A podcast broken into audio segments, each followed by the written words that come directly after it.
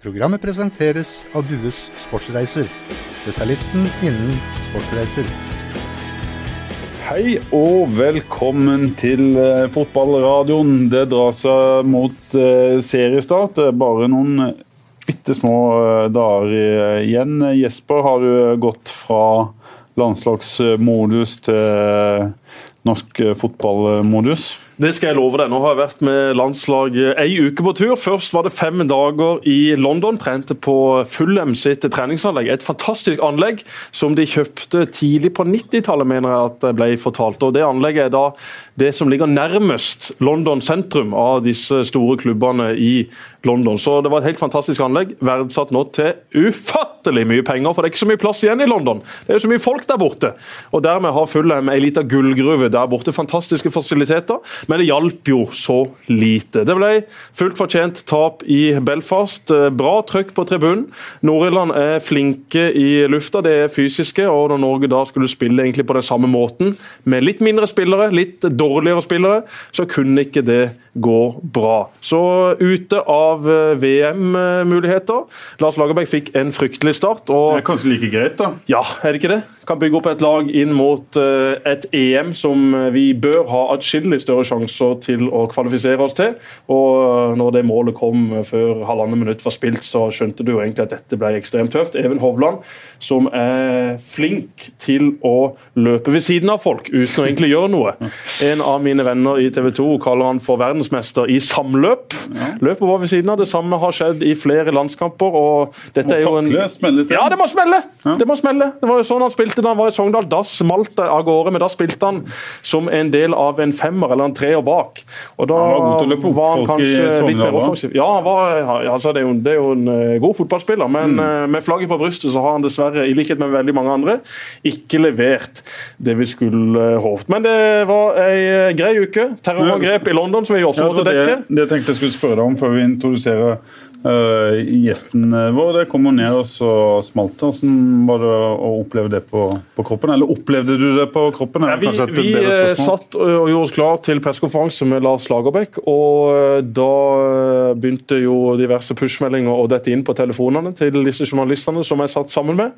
og eh, Da var det tre-fire journalistene fra forskjellige mediehus som bare eh, forlot den pressekonferansen før Lagerbäck hadde kommet. De hadde viktigere ting å foreta seg. så Mens alle folk løper bort fra sånne situasjoner, så løper jo alle journalister til. Så eh, De måtte bort og ta noen bilder, de måtte bort og dekke det. og Jeg var også der borte litt senere på dagen, for da skulle eh, vår kameramann som vi hadde med oss på tur, han måtte dekke da også for TV 2 Nyhetene. Og så skulle vi da inn fra sporten rett etterpå. Så da sto vi på nabobroa og uh, snakka om fotball. Litt meningsløst, og vi fikk eh, litt kritikk av noen i sosiale medier for at vi faktisk sto der, men vi skulle inn rett etter nyhetene. Vi hadde bare én kameramann! Og han måtte vi bruke, så dermed ble vi stående der. Men gud, så mye politibiler, sykebiler og eh, sivile politibiler det finnes i London. Det var helt vilt. Det var eh, fem-seks helikopter som sverma over den broa. Det var eh, 1000 politibiler som kjørte forbi i løpet av en halv time. Det var helt ekstremt. Var redd? Nei, jeg var ikke redd. Eh, Jeg tenkte, Er det ett sted du skal være nå, så er det her.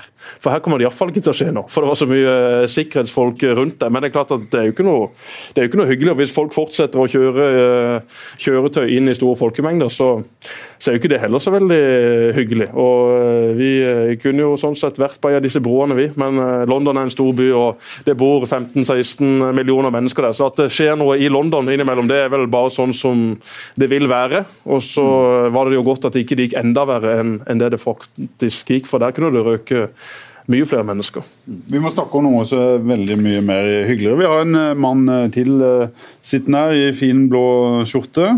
Amund Lutnes, legenden som har kommentert nå er vi oppe i 916 kamper fra La Manga.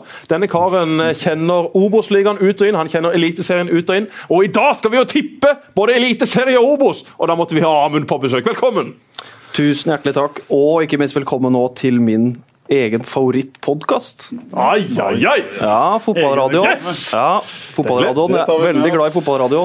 Det er bra, men du vet at du er en fast lytter. Og eh, jeg har litt vondt i magen også i dag, Pål. Eh, jeg har hatt det nå i to dager, og i går så tenkte jeg jeg må få tatt noen tabletter mot dette. Få litt fart på magen og løp inn på badet. Eller løp, det er jo ikke jeg gikk inn på badet. Det er, sjelden jeg løper hjemme. Det er sjelden jeg løper hjemme, det, det er det. Eh, og fant to tabletter der som det da sto Imodium på. Det tror jeg var som magetabletter, det var det jo, men det gjorde jo bare magen enda hardere. Så eh, nå har jeg skikkelig mageknipe. Men eh, podkast, det skal vi komme oss gjennom Og hvis Vi, uansett. Men vi kan bare si det, hvis det blir litt stille fra, fra din side, så er du på, rett og slett på do. Men Ja, men det har jo vært en befrielse å gå på Ja, do. Men, men det- det det, kan leve- være litt vanskelig.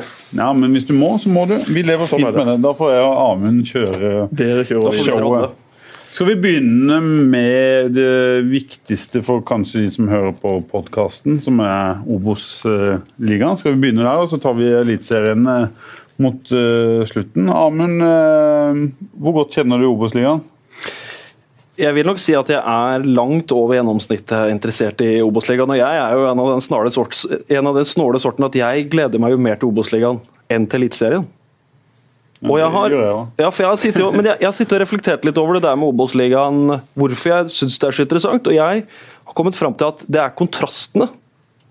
Det er ducktape på Elverum stadion, og i motsatt ende så har du Sparebanken Sør Arena, som er en av de flotteste stadionene i hele Skandinavia. Det, det er noe med den der ekstreme kontrasten. Start kommer omtrent med dobbeltdekning på alle plasser, og så er det mange av de andre lagene som får skrapa sammen og låne spillere her og der og må gjøre sitt beste i 30 kamper.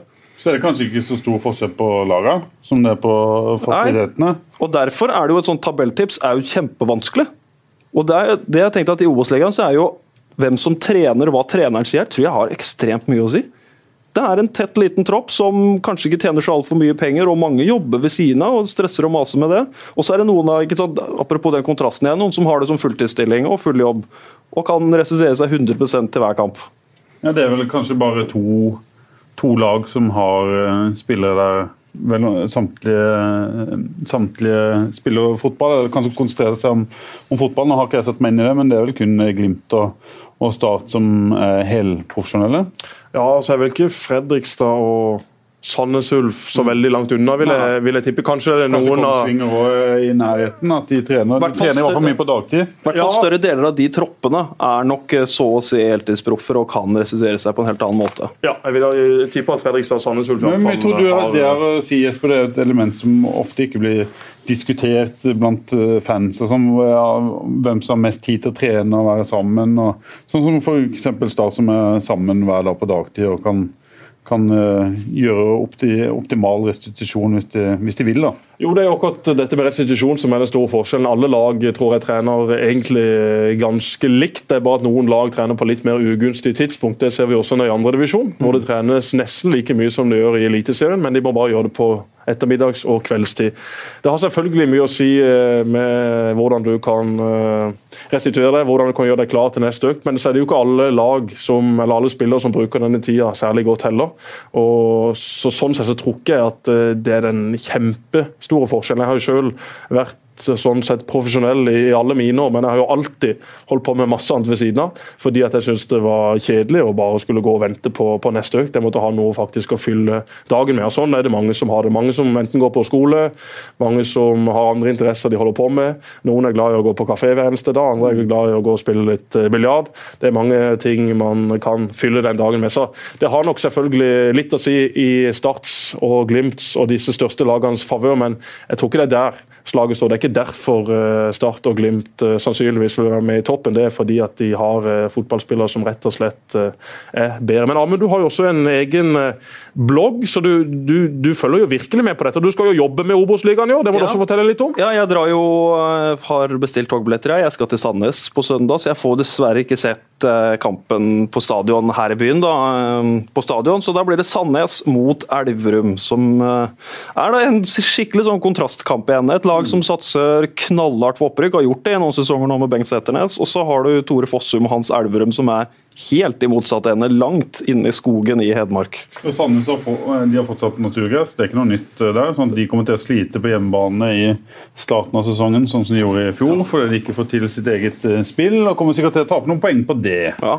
Ja, har Ikke sett veldig imponerende ut uh, i de kampene jeg har sett uh, i vinter, selv om de har et par OK resultater også. Så Sandnes Ulf er et lag som på papiret ser bra ut, elveren de ser bra ut, fasilitetene er ganske bra, men de sliter med å få det ut i praksis. og Det så du også i fjor. Da hadde de Pontus Engblom blant annet, som uh, skåra mål på bestilling. Helt fantastisk. 26 mål i fjor. Mm. Og han er borte. Det er klart det er en svekkelse. Men det kommer vi tilbake på når vi skal begynne å tippe tabell! Vi må begynne, Skal vi begynne et sted? Skal vi begynne, du kan velge, Amund. Skal vi begynne på toppen, eller skal vi begynne begynne i, i bånden. Vi når klimaks på slutt, og så tar ja. vi toppen til slutt. Ja, akkurat. Hvem er, hvem er båndlaget? Hvem er det som rykker ned fra Obos-ligaen? Eller står i fare for å rykke ned?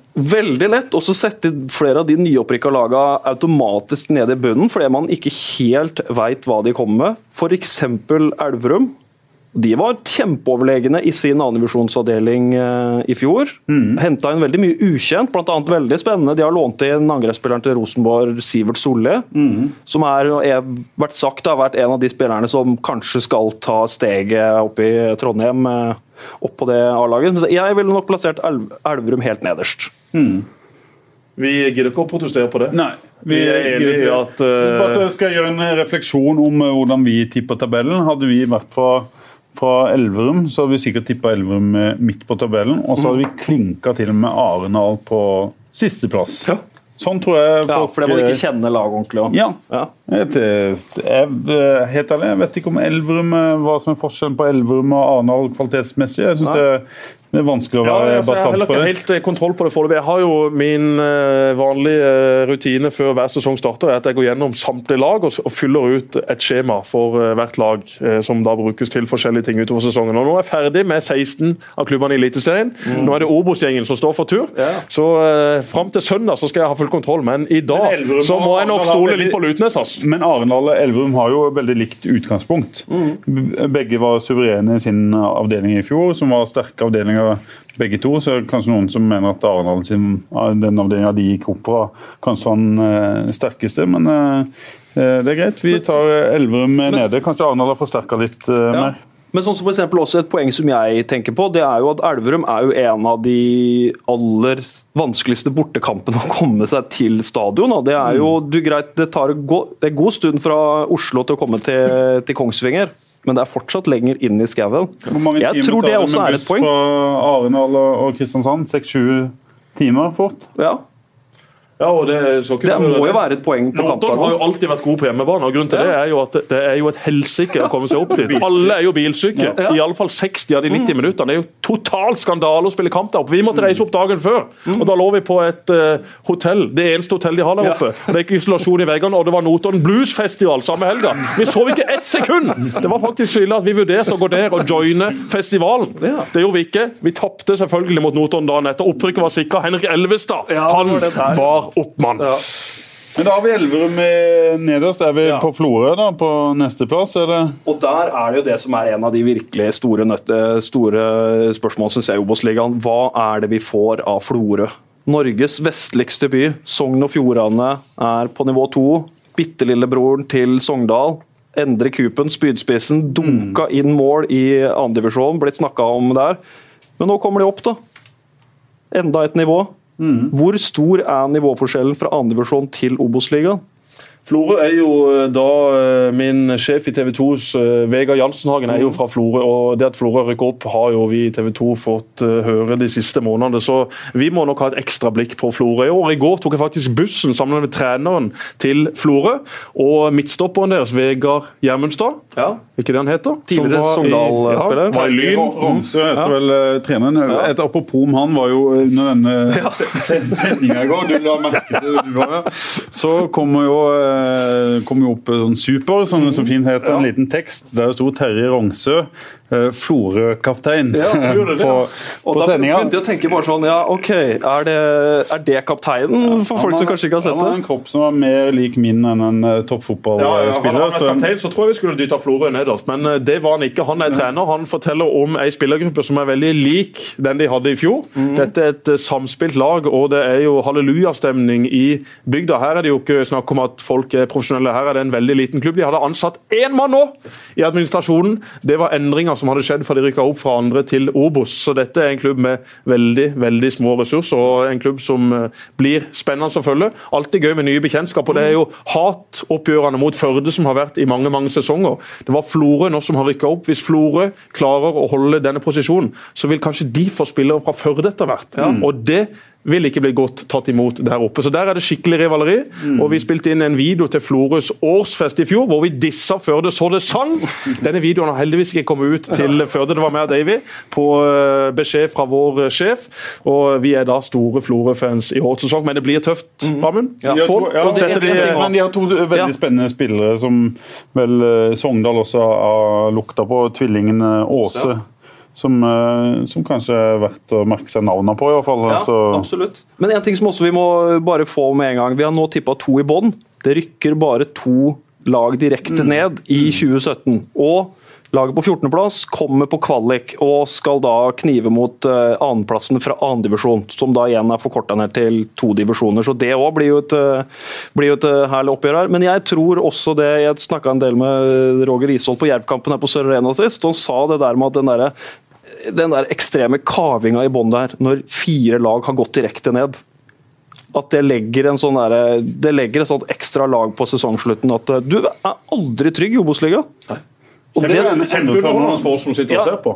De to-tre siste rundene er det jo sånn at du kan gå fra nedrykk til kvalik Ja, ja. bare med en seier. Endrer seg kanskje litt med færre lag ned, men det blir vel fort eh, jevnt allikevel at det er mange som er involvert, hvis det fortsetter sånn som det har vært. Det gjør det, men Amund, du må ta den en gang til. Altså, de som rykker ned, Hvor mange lag rykker ned fra Obos? to lag rykker direkte ned til Ja. andredivisjon. Laget som ender tredje sist, skal spille kvalifisering mot lagene fra andredivisjon. Altså andreplassene fra andredivisjon. I andredivisjon er det to avdelinger. De to lagene som kommer på andreplass i de to avdelingene, spiller kvalik mot uh, tredje sist i Så får vi se eh, hvordan Obos. baneforholdene blir da ute i desember. bruker Der står det da feil. Der står det ett lag ned og ett lag på kvalik. Og Det Og er jeg, jeg har faktisk feil. kontakta alt om fotball, så det har blitt bytta, og det er lenge siden. Bra, Lutnes. Alt om fotball er jo da TV 2s tjeneste, og den stemmer nå selvfølgelig. Etter Ja. at Amund har Ja. det til. Men har vi, vi er på Tromsdalen da, på, på kvalik. Vi er fort på Tromsdalen. Og der er det jo av eh, nye spillere inn, da, så kan jeg i hvert fall nevne da at de har henta Venstrebekk lånt fra eh, nabo Tromsø. De har lånt Lasse Nilsen, Venstrebekk, som bør fungere veldig bra i Obos-ligaen, tror jeg. Også en liten joker i han der NRK barne-TV-kjendisen. Christer Jonsgaard, som har skåra mye mål i andredivisjon. Og trente med Tromsø hele fjor. Fikk vel litt spilletid i Eliteserien, men veldig mye mindre enn kanskje Kanskje Det du han snakka om ja, oppe i Tromsø. Tromsø. Ja, altså Christer Jolskov er jo en mann som er kjent uh, over hele landet pga. at han er ekstremt god på TV. Mm. Flink i barne-TV. og Det ble jo spekulert eh, fra noen at det var derfor Tromsø henta han, for å selge noen sesongkort eller Sånn for å dra mer. enda flere unger på kamp. Men dette er jo en- god fotballspiller mm. som ikke fikk uh, sjansen sånn skikkelig i Tromsø. og Grunnen til det var jo at de ikke uh, mente han var god nok. De hadde andre alternativer på topp som var mer robuste og som eh, var bedre enn det Christer Jolskov var. Men han har jo dunka inn mål i andredivisjon i mange sesonger. Spennende nå å se hvordan det vil gå i, i Obos. Så har de til han Moa som har eliteserieerfaring. Og så har de Lysvoll-brødrene, Ja. som har vært i Start, som har bodd på garasjen til eh, Borgar Ja, Haugland. de, de, er har Sådemarka. begge, de har begge ennå. Det er ikke bare Vegard Lysvold? De har eller? fått henta opp begge to nå, Ja. så nå er begge Han på siste var jo en tur innom Ran... Nei, ikke Ranheim, men Raufoss. Håvard Lysvoll, ja. Ja. Ja. Så, så eh, Tromsdal Anders har eh, Karlsen henta i fjor sommer. Bodø Han har spilt midtbanemann. Bodø. Lars Gunnar Johnsen, er ikke han også heter? Han Jo, sentralen midtbanen. Og Tromsdalen, det er en eh, lei gjeng oppe i, ja, oppe i de nord verdens beste supportere. Ja. De står jo og roper 'skyt' hver gang de får straffespark. Mm. Når eh, Tromsdalens spiller er i tilløpet, så hører du bare fra Tromsdalen-fansen 'skyt'! Strålende humor. Men for, hvis vi for eksempel ser på Tromsdalen eh, Nå skal ikke jeg være Arendalsfin her, men når en ser på erfaring og sånn i Tromsdalen eh, fra dette nivået i forhold til hva Arendal er, så er det jo natt og dag. Ja, Arendal har jo ingen erfaring fra det nivået her. Men Og vi skal ta Arendal litt ja, senere. vi kan, vi, vi kan eh, holde, holde litt på strenge med Tromsdalen, eller? Jo, men vi er jo litt partiske òg i den Tromsdal- eh, ja, fotballradioen. det. Men Vi. Tromsdalen elsker jo sånn som det er. Det er jo helt perfekt. Florø og Elverum de er tippa ned. Ingen bryr seg. Ok, vi bare går videre. De kan få lov å styre for seg sjøl. Nydelig utgangspunkt. Du får ikke noe bedre enn det. Nei da, Tromsdalen er i likhet eh, med Elverum, Florø eh, gode på hjemmebane. Det kommer til å være Ja. vanskelig å komme til Tromsdalen på ei helt elendig kunstgressmatte hvis ikke de har lagt den om. De bygde jo om der for noen år sin, eh, Del. Ja, Har de lagt ny matte også? Ubekrefta. Ja. Jeg husker bare vi trente på den Ja. eh, matta dagen før kamp, og da skjønte vi dette kom til å bli tøft. Men vi tok vel en knepen seier der oppe. Jeg mener at Asante dunka inn ei skåring fra langt hold. 2012 der, ja. eh, 2012 Ja. borte mot de der oppe. Stemmer. Hvordan gikk det? Ja? Det- seier. 1-0 eller Ja, jeg tror vi vant Ja. 1-0. Tror vi vant 1-0. Sterk seier i Tromsdalen. Ja. Og så er vi jo på eh, Nå er vi over er nedrykk. For et eh, gammelt møte. er Sikkert bare å spise, Jesper. og- Altså, Det er fra Dampbakeriet. Og vet du hva? I dag kjørte jeg over Lundsbroa, og der sto det 'Espen Dampen, bakeren i byen, 50 år'. Ja. Fotballradioen gratulerer! Ja, derfor, En strålende kar. Kanskje derfor vi har boller fra han i dag. Jeg tar en bolle. Rådhuskafeen. Vil dere ha? Nei takk. Og- men Ik ikke, da- med, ikke med min mage. Og da har vi de laga som eh, da er på de tre nederste plassert nå. Da tror jeg vi skal til Jessheim. Tror du det? Ullkisa? Ja, jeg tror det blir en meget tøff sesong. Andreas. Aalbu. Ja. Morsom signering. Ja. Morsom signering. spiss. Mest sannsynlig, ja. Ja. ser jeg for meg. Og så har du han tidligere Sandnes Ulf-spilleren, som er også nå tilbake i Sandnes Ole Kristian Langås slet veldig mye med skader i fjor. God Obos-spiller, det. Nikolai Solberg, god kantspiller. Han syns jeg alltid har vært en eh, Ser bra ut, iallfall når Ja. du ser kamper. så er han en spiller som markerer Slitt veldig med skader siste året. og Har visstnok blitt feiloperert og alt mulig, og mista noen år der eh, egentlig av karrieren. Og har var jo livet. Nei, Det er verre å bli feiloperert og miste noen Ja. av livet. for all det. Ja, det kommer nok det òg. Det kommer nok det, iallfall for min del. Og ikke minst da, klubblegenden på midtbanen, Truls Jørstad, vært i klubben i en årrekke. Sliter han på midten. Ja, det Litt, eh, like, like lite Ja. hår som alltid. Ja. Lett å kjenne igjen for eh, vi som kommenterer kampene. Ja. Spiller nummer seks eller åtte? Åtte. Ja, Truls Jørstad. Andreas Aalbu, som eh, var den best trente spilleren i Fredrikstad på de sine løpshester i vinter. Det er ganske spesielt til å være så stor, men han eh, har fått trent godt. Og eh, jeg syns det er litt rart at Fredrikstad faktisk lot han gå, for det Jeg Fredrikstad-mannskapet skjønner der det ikke. Nei, Sånn skjønner ikke jeg. veldig, Det veldig handler vel om en Flo der, som, hvor, en skal bruke en eh, Aalbu i et system til Fredrikstad. Om han skal Hva er egentlig Andreas Aalbu?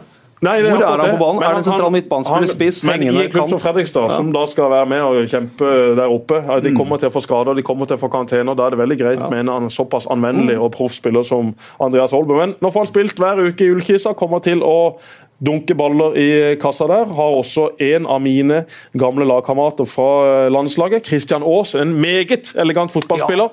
Teknisk Han trente med Start. Ja, det er Han gjorde. Ekstremt tynn. Har Mm, ja. eh, legger så Elegant. tynne som eh, ja, sånn ei halv pakke spagetti. Han er ekstremt tynn, Ja.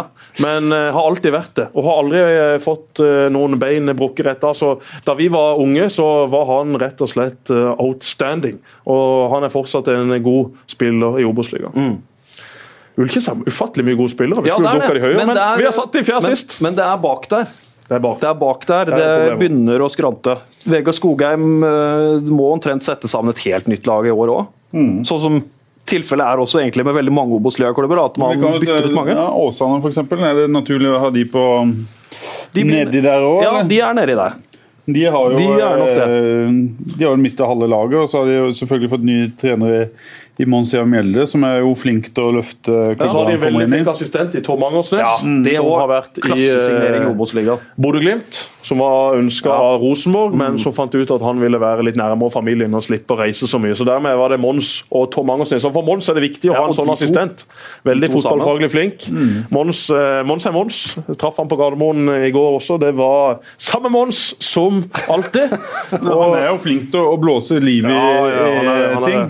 Og han har en ung, spennende spillergruppe der oppe. De har også eh, med seg en som har litt pesetas, så kanskje henter de inn en spiller eller to til sommeren også. Kanskje kommer det noen på lån allerede nå før vinduet, Vinduet stenger stenger. på fredag. Ja. Så, så han har fortsatt litt tid på seg. eh, Kristiansson i start ikke gikk til Åsane tidligere i, i vinter. Venta egentlig på den eh, overgangen uten at jeg hadde hørt noe eh, om det. For jeg vet det at Men det er eh, Åsane kommer Ja. høyere enn dette, altså. ja, tror- greit, Men da ja. venter vi med Ja. Vi venter med Åsane. Vi har allerede snakket, Geir André Herrem, for eksempel. Geir André Herrem, En av de bedre spi- spillerne i Obos-ligaen, det er hvis de får i gang Erbuen. Er vi på, på Ranheim, da. Ja, Jeg òg har de nedi der. De har mista kanskje en av sine aller viktigste spillere, Robert Stene. I fotball så må du skåre mål.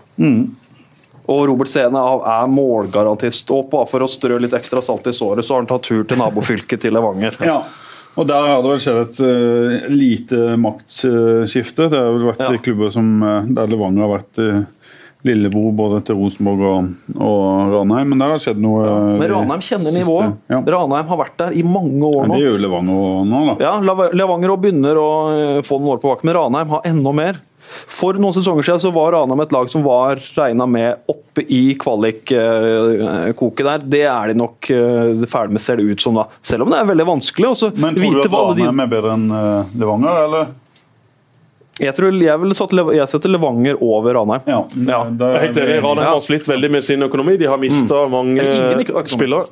Hva sa du? Det er jo ingen økonomi. Nei, det er ingen økonomi. De har ikke hatt noen økonomi der oppe på god. Men de har eh, enkelte spillere fortsatt. Mats Reginiussen. Veldig bra. Eh, merkelig at ingen større klubber har plukka han opp. Han har vært god i Obos-ligaen i flere sesonger, og at han fortsatt er i Ranheim, uforståelig. Det er utrolig spennende å se hva Storflor, eh, Øyvind Storflor ja, får til i, Absolutt. i Ranheim. Og Mikael Karlsen inne som Ja. en spiss har alltid vært eh, lovende. Har aldri helt slått ut eh, i full blomst, men nå eh, blir han jo satsa på Ja, Panenka-kongen. Velkjente Panenka-kongen. God kamerat av Pål André Helland. Han har nok blitt mobba litt for den Panenka-straffen. Ja. Og det er fullt fortjent. Ja. For en fryktelig straffe. Ja, på, mot, eh, mot Jerv i kvaliken i Sånn kan det gå. 2015. Sånn kan det gå. Men vi hiver Ranheim Vi hiver. Ranheim der. Ja. Selv om det blir spennende å følge Øyvind Storflor og co., så blir det en tøff sesong. Øyvind Storfjord Storfjord er jo en av de mest spennende signeringene i hele Obos-ligaen, syns jeg. Absolutt. Var jo avslutta jo sesongen i, i Strømsgodt som alt annet enn bare benkeslite. benkesliter. Absolutt. Og så er det jo hva som eh, skjer da. En har jo sett spillere som kommer hjem og som faller litt i kvalitet, men det vel eh, Storflo som type er vel eh, ikke den, eh, den typen en ser for seg eh, slipper seg veldig ned. Ja, så er det litt sånn som han er som spiller. Altså, de siste årene har Øyvind Storflo mista farta si. Det er ikke sånn at eh, han nå lenger har galoppert forbi den ene sidebekken etter den andre. Han har først og fremst en enorm fotballforståelse og en fantastisk høyrefot. Og så har han hatt spillere rundt seg i godset. Wilsvik som har kommet rundt han hver eneste gang, som har gitt han rom og gode arbeidsforhold. Det vil sikkert legges opp til det samme i Ranheim. De vet at ikke Øyvind Storflo er Ernst Asante på høyrekanten lenger. Han må spille sko, han må bruke sine ferdigheter. Den dødballfoten hans, den erfaringa hans i en sånn gruppe som er tynn, som er ung ja, Strålende signering, selvfølgelig. Han redder Ranheim. Det er greit. Han redder Ranheim. Lite poeng også eh, med Ranheim òg. Fort gjort at Ranheim fort kan kanskje låne noen av de spissene til Rosenborg, f.eks. Han Hel- Helmersen eller han Botheim, de ungguttene der. Fort gjort at de kanskje i sommer kommer til, kommer til Ranheim. Eller kanskje nå før, før, helga allerede, i lånevinduet. Og lånevinduet. Helmersen er jo uh, ufattelig spennende. Har dessverre fått seg noen alvorlige skader Ja. de siste sesongene. Men Alexander Lund Hansen, vår gamle kamerat fra Staff, han uh, sa det at uh, da han så Helmersen på trening de første gangene, så var det noe av det råeste han hadde sett. Ja. Og så uh, røyk kneet, tror jeg det var, på en eller annen stygg greie. Og så har han vel aldri helt kommet seg tilbake. Så Rosenborg har noen spennende unggutter, som Amund sier. Ja, Veldig godt poeng. Botheim er jo eh, omtalt som kanskje, i hvert fall i fjor, eh, største spistalent under 18, 18 år. Hamma vel inn mål i nasjonal eh, serie. og Men så i cupfinalen mot eh, Start at der var han kanskje en Han sammen med, med Ugland og Christensen på Start er en klasse bedre enn alle de andre. Også involvert i den der eh, Champions League for unggutter for Rosenborg, som, hvor de i Rosenborg gjorde det knallbra. Også synd nå for Ranheim, også, som hadde John Ho Sæter, også et veldig spennende unggutt, eh, som var også snakk om at skulle lånes inn i år også, men har da blitt syk eller skada. Han blir syk. Han har fått en Ja. betennelse i hjertet, faktisk. Hjerteposen eller noe, Ja. det veldig alvorlig ut. Så han blir ikke å se med det første. Nei, Han kunne jo fortsatt her nede, Jesper, men det er en Ja, det historie. det har vært noe snakk om han for en stund siden til start, men det Ja. ble ikke noe. Nei. Da har vi tippa en eh, Fem lag. Fem lag. Har vi plassert? Ja. Vi må videre oppover på eh, tabellen, og da skal vi vel ha Jerv. skal vente med jerv. Vi skal vente med Jerv, greit. Da går vi, vi på- eh, videre. Ja, vi vi er ved å ha Ikke noe vondt om Monsia Mjelle eller Åsane, men jeg mener jo at Åsane må Ja, men og Åsane. At Åsane ender da på Jeg hvilken plass akkurat det blir da. Det blir vel eh, Skal vi se, vi har tippa fem lag. Det blir vel fort eh, tiende, ellevteplass, dette her. Ja, og Åsane som den bitte lille klubben oppe i, Ja. oppe i bydelen Åsane. At de, Og så er det gøy da, at de tippe Mons litt ned, for da kan jo Mons komme til å sette seg Men sånn vi kan godt vente et, et takk til med Åsane, men da vil jeg ha Kongsvinger der eh, i stedet. De tror jeg går en okay. fryktelig tung eh, sesong i, i møte med Ja. den stallen Ja. Sånn som De kommer i den røkla midt mellom eh, Midt mellom eh, kvalik og nedrykk. Jeg snakka, hadde en lang samtale med Espen Nystuen på La Manga. Jeg spurte Mm. hvordan ser dere ut eh, nå. Dårligere enn i fjor. sa han. Enkelt og greit. ja, og de har, eh, de har få spillere. De har mista eh, treneren sin. En ganske lik eh, trener som de har fått inn i eh, godeste Hans Erik Hans Eriksen. E- Eriksen. Litt samme fotballfilosofi som Pimenta. Det er jo sikkert eh, naturlig å, gå litt i, i de sporene, sånn at de ikke må snu opp ned på Ja. alt. Men de har jo hatt veldig mange eller nøkkelspillere sine ute med skade hele vinter. Det er ikke alle som er friske ennå, og de har vel eh, ikke mer enn eh, kanskje 13-14 mann som eh, per nå holder nivået. Har jo lånt inn noen spillere nå helt på slutten Ja. og henta bl.a. Niklas Castro fra Vålerenga, som jeg vil tro skulle være ganske god i Obos-ligaen. Martin Ellingsen også, sentral midtbanespiller, en av de virkelig store juvelene. Som, hvor lenge de får beholde ja, som fort kan være borte allerede nå i sommer. Men Ja, han er heller ikke ikke han har henta noen andre, for han eh, samme var outstanding i fjor. Han var outstanding mot eh, Godset i semifinalen. Han, han er ikke en spiller mener jeg da, som eh, løfter et, et lag. Eller, han, ja, han er jo en kjempegod spiller som kan spi, fint spille i Tippeligaen. Men han gjør ikke forskjellen for Kongsvinger mener jeg, i Ja. Adeccoligaen. Han er ikke mye målgivende, ikke, ikke mye mål heller. Nei, men han og Adam Gyven. Han og Adam Gyven tror jeg vil sette Kongsvinger høyere, men la oss sette Kongsvinger der, da. Ja, la oss sette det. Kongsvinger der. Kongsvinger settes på 11. plass. Og der har vi jo, eh, I Kongsvinger har vi jo også da Jørgen Rikardsen, sendt på Paul, som er Også en fast lytter av fotballradioen. Hører på oss på vei til Kongsvinger, så Jørgen, kjør forsiktig. Ikke kjør av veien fordi at vi satt dere helt nede på 11. plass. Men en god spiller, Jørgen. da. Eh, Han har imponert meg de gangene jeg har sett han. Eh, Ser bedre bedre ut for hver gang jeg ser han egentlig. Bra fart og, og fysikk. Et lite Spiller poeng- venstrebein. Ja, men et, et lite poeng også rundt eh, Hans Erik Eriksen. Knall, knallhyggelig fyr, det. altså Veldig eh, fotballdyktig. To siste sesongene rykka ned. Fra Obos-ligaen. Imponerte veldig i Follo, men siden ikke vist det helt store. Og, men, så trener, men de trener jo på litt Han gjorde det. Men de trener jo på en litt spesiell måte, da. Som disse portugiserne Kongsvinger har hatt der oppe, har innført. De trener jo mye færre økter enn andre lag. Er det, er det fire eller eh, fem eh, Ja, veldig, veldig spesielt. De er jo veldig mye mer opptatt av overskudd og energi Yes. Ja. enn å trene, trene spillerne i senk. Oppkjøringa til Kongsvinger er helt annerledes enn alle andre. Det er sånn at De holder igjen spillere. De skal ikke trene mye. De skal alltid være freshe og, og eh, ha overskudd. Og så sa Nystuen til meg på La Manga at de må jo passe på at det ikke blir for de, ja, de må ha en slags oppkjøring der de, eh, der de vel trener funnet en middelvei Ja. her mellom det portugiserne ville og det Norge ville. Men det er Ja. interessant å, å, å høre og lære litt fra andre kulturer og andre nasjoner som er langt bedre enn oss på akkurat dette. Så Spilleglede, energi og overskudd det er de tre tingene som er aller viktigst for, for har ikke du innført det her på, på Feven også? Jo, jeg At folk på det. jobber nå tre dager i uka, men når de først skal jobbe, ja, så skal det være humørfylt, og det skal være masse overskudd. Ingen får lov å komme før ti på jobb. Det er Det er fint. Men så er det jo sånn, så den der vanskelige sesong nummer to for Kongsvinger òg, det var så mye kok rundt Kongsvinger med Pimenta. Nå er alt det borte. Hva skjer nå, liksom? Nei, det som skjer, er Hvor at er er på 11. Kongsvinger? plass. Ja. Ja. Jeg tror ikke det er noe dumt sted å sette de. Nei, ferdig med Kongsvinger. Ja. Åsane? Åsane på neste. Mons Ivar Mjelde og Tom Mangersnes, eh, vi beklager, men motbevis oss gjerne. Nei, men det er ikke det et bra tips for uh, Jeg vil tro det er noe av eh, Hvis du tenker på sluttabellen etter 30 kamper, hvis Åsane klarer å ligge der et godt stykke unna nedrykk, så vil jeg, så vil jeg tenke ut fra forutsetningene at det er en vellykka sesong for du er på tiendeplass også, så er du i nærheten av kvalik. Altså, Da er det, da er Ja, det, da er det en er seier, så ja. er du plutselig der Ja. oppe. Så uh, vi får sette Mons i den, uh, i den gryta der. Og så tenker jeg at vi kanskje ikke må være for uh, patrioti- patriotiske, og at uh, Arendal snart må, må komme. når jeg har en analyt. hvis vi først men tar, uh, eh, hvis vi, hvis vi ja. først- først tar Åsane Geir André Herrem, Ja. veldig spennende spiss. Jærbøen, som også har vært og lefla litt rundt i utlandet, blant annet. Tilbake Ja. i Norge nå. Skyhøyt makspotensial.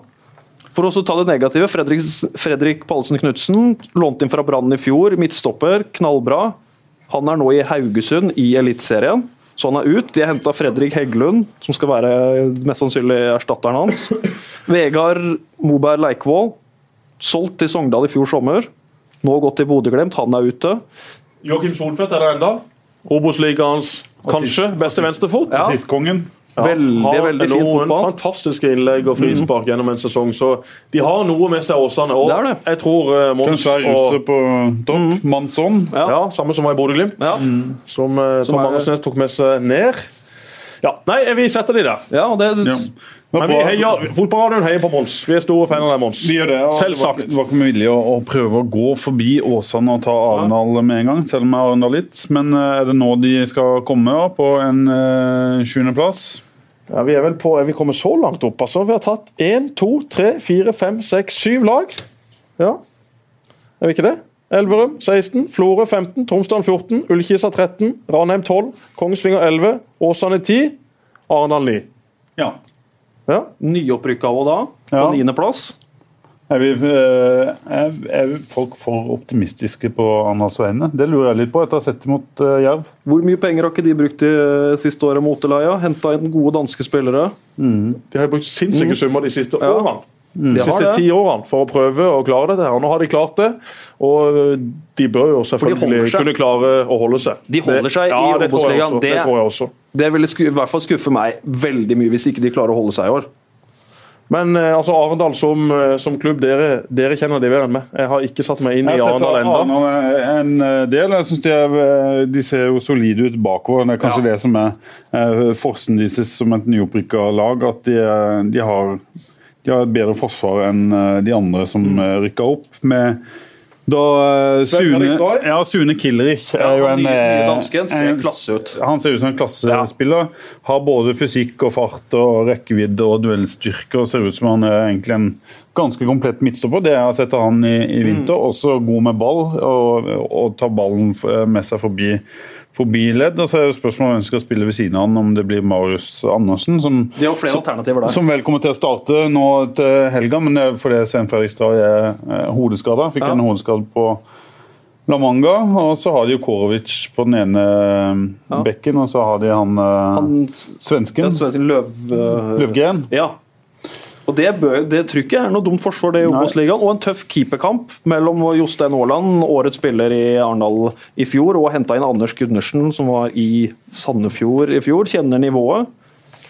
Vi er har jo en fast lytter fra Arendalsområdet, Jon Andreassen, som Mm. hører på oss hver uke i badekaret. Han ligger sikkert i badekaret akkurat nå også. Jeg spurte han i stad hvordan eh, blir Arendal, og hvem blir de største, beste profilene? Sune fra Danmark, han eh, dere gikk gjennom som midtstopper. Mm. Jakob Rasmussen. Han, eh, han eh, fikk Han har sett, sett Arendal en del. Jeg har litt bange anelser til, til Rasmussen. Når jeg så han mot Ogunbaru og Hagen nå i helga. Når de skrur opp eh, tempoet, så henger ikke Rasmussen med. Når han skal spille som defensiv midtbanespiller hos Arendal, så mener jeg de eh, jeg er helt sikker på at han er en god fotballspiller. Det er ikke vanskelig å se. Utrolig god med ballen i beina. Men eh, når det ble satt trykk på dem, så, han, eh, så gir han fra seg mye rom. Han er ikke duellsterk nok og rask nok i beina til å henge med når de beste lagene setter tempo. Så jeg mener de har en svakhet. Eh, Men så er det ikke hver defensivt. eh, uke han kommer til å møte Hagen og Ogunbaro. Det er det beste man kan møte. midtbanen. Og så har du Viktor Løvgren. Aner ikke hva slags Venstrebekk. spiller det er. Venstrebekk. ja. Og så har du da lokale Yldren Ibrahimai. Lokale Ibrahimai. Ibrahimai. Det var da voldsomt til bokstaver. ja. Ja, det er vanskelig navn. human alphabet. Ja. Det var en spiller vi snakka om før sending, Det er veldig mange som har uttalt at han skal skåre Han eh, uttaler til Fedrelandsvennen at han skal uh, skåre ti mål av minst ti målgivende pasninger. Lykke til! I neste setning så sier han det er ikke tull engang. Lykke til! Det er 20 målpoeng, det. Det er knallhøyt på tabellen over Men vi må applaudere folk som er offensive, Ja, og som eh, tør å snakke i titler og overskrifter. Det liker vi godt her i Fotballradioen. Og han er jo en veldig eh, spennende spiller, men eh, jeg ser jo disse engelskmennene som er eksperter på Obos-ligaen. og ser Obos-ligaen Ben Wells. Ja, Ben Wells og den gjengen her. Eh, Det de glemmer i sine vurderinger, synes jeg, er jo nivåforskjellene mellom de ulike ligaene. Ja. Eh, At eh, de, eh, de sitt syn på Start er jo basert på hva Start har gjort i Eliteserien og de har sett der, og ikke mot Obos-motstand. Sammen med, med Arendal, som eh, ikke har testa seg i konkurransesituasjon med, med laga ett eh, nivå opp. og Det mener jeg er veldig viktig Men å med. Det er jo en underholdende spiller, en entertainer. Ja, off offensivt, offensivt anlagt. Også, også en spiller som Meget god med ballen i beina, god til Ja, å drible. Han er 22. 22 rundt der, ja. Ja, fin alder. Spennende. Og Vi kan lese videre hva, hva Ja, Jon les skriver. bare så vi har uh, tatt det. Og så er jeg veldig spent på Tobias Henanger, som det virkelig har løsnet for skåringsmessig i fjor høst og i vinter. Rasmus Lynge Christensen blir selvfølgelig meget viktig, men mister jo hele vårsesongen. Og hva med Pepa? Han kan også skåre mål. Rasmus eh, Lynge Christensen kom i fjor sommer til Arendal, skåra ni mål siste halvdel av Han var den sesongen. beste spilleren til Arendal Ja. eh, i høstsesongen, og den som eh, ja, han leverte jevnt og trutt. og Ja. Hen- Henang han kom jo veldig mot slutten. Han skåra vel fire-fem mål de to siste serierundene etter at uh, opprykket var sikra. Han er vel, har fall vært lærer på Fagerholt, bor vel her i, i byen. Henanger. Henanger ok, Ja. ok. Kollega Lærer- med mamma. Lærer på Fagerholt skole. Da går han ja. i livet. Han har vært innom der, det vet jeg. Det er bra. Eh, Ikke mamma. Nei, Nei, nei, nei. nei. Men, men, men, men så er det jo helt, helt på topp, da. Det er jo en spiller som, eh, som vi ikke har snakka om ennå, som har dunka inn mål i andredivisjon i mange år. Men eh, helt ærlig, jeg syns han har vært eh, rett og slett naive når det gjelder den eh, spissplassen. Den spissplassen? Jeg tror de kommer til å få svi for det. Eh, Jeg har snakka med flere i Arendal. Jeg spurte bl.a. om Markus Naglestad, som var i i, eh, han var i Fram Larvik i fjor, og der sier de at nei, det er ikke sånn type spillere de ser etter. De skal spille med erfaring fra høyere nivå. Og så sitter de igjen med, da, med Rankovic og Pepa som to spissalternativer, i tillegg da til Fabian Næss som Ja, kom fra som er Moss. skadet. Som er eh, skada. Ja. Jeg, jeg, jeg håper jeg tar feil, men jeg tror de vil få problemer med å skåre nok mål. mål. Helt enig. Rankovic og Pepa det er relativt uh, tynn suppe hvis du sammenligner med flere andre spisspar i denne divisjonen. og Naglestad hadde jo vært eh, på et annet nivå enn disse. Men kanskje kan de hente neste år, for nå tror jeg faktisk at Naglestad kommer til å få erfaring fra høyere nivå. Han er veldig nære på å signere for Sandefjord, ja. Vi har jo sak på vi skriver sak om han nå. Lars Bonden hyller han og sier han er en helt spesiell spiller. Kommer til å spille masse i Eliteserien. Går antageligvis rett inn på Sandefjord-laget hvis de får han klar til, til seriestart. Så det blir spennende nå. Og det er jo en bom til Arendal å ikke hente han. Og så kan du kanskje si at også Start hadde hatt bruk for han eh, i sin 4-4-2. Men de har jo bedre spisser De har bedre spisser, da. Billig, lokalt alternativ. Det kunne, det kunne vært bra. Og Steinar har jo, Pedersen har vært klar på at Naglestad er jo på nivå med Antvi og, og Salvesen. Eh, Grunnen til at han ikke ble henta, er jo at eh, han ikke er bedre enn de. Ja.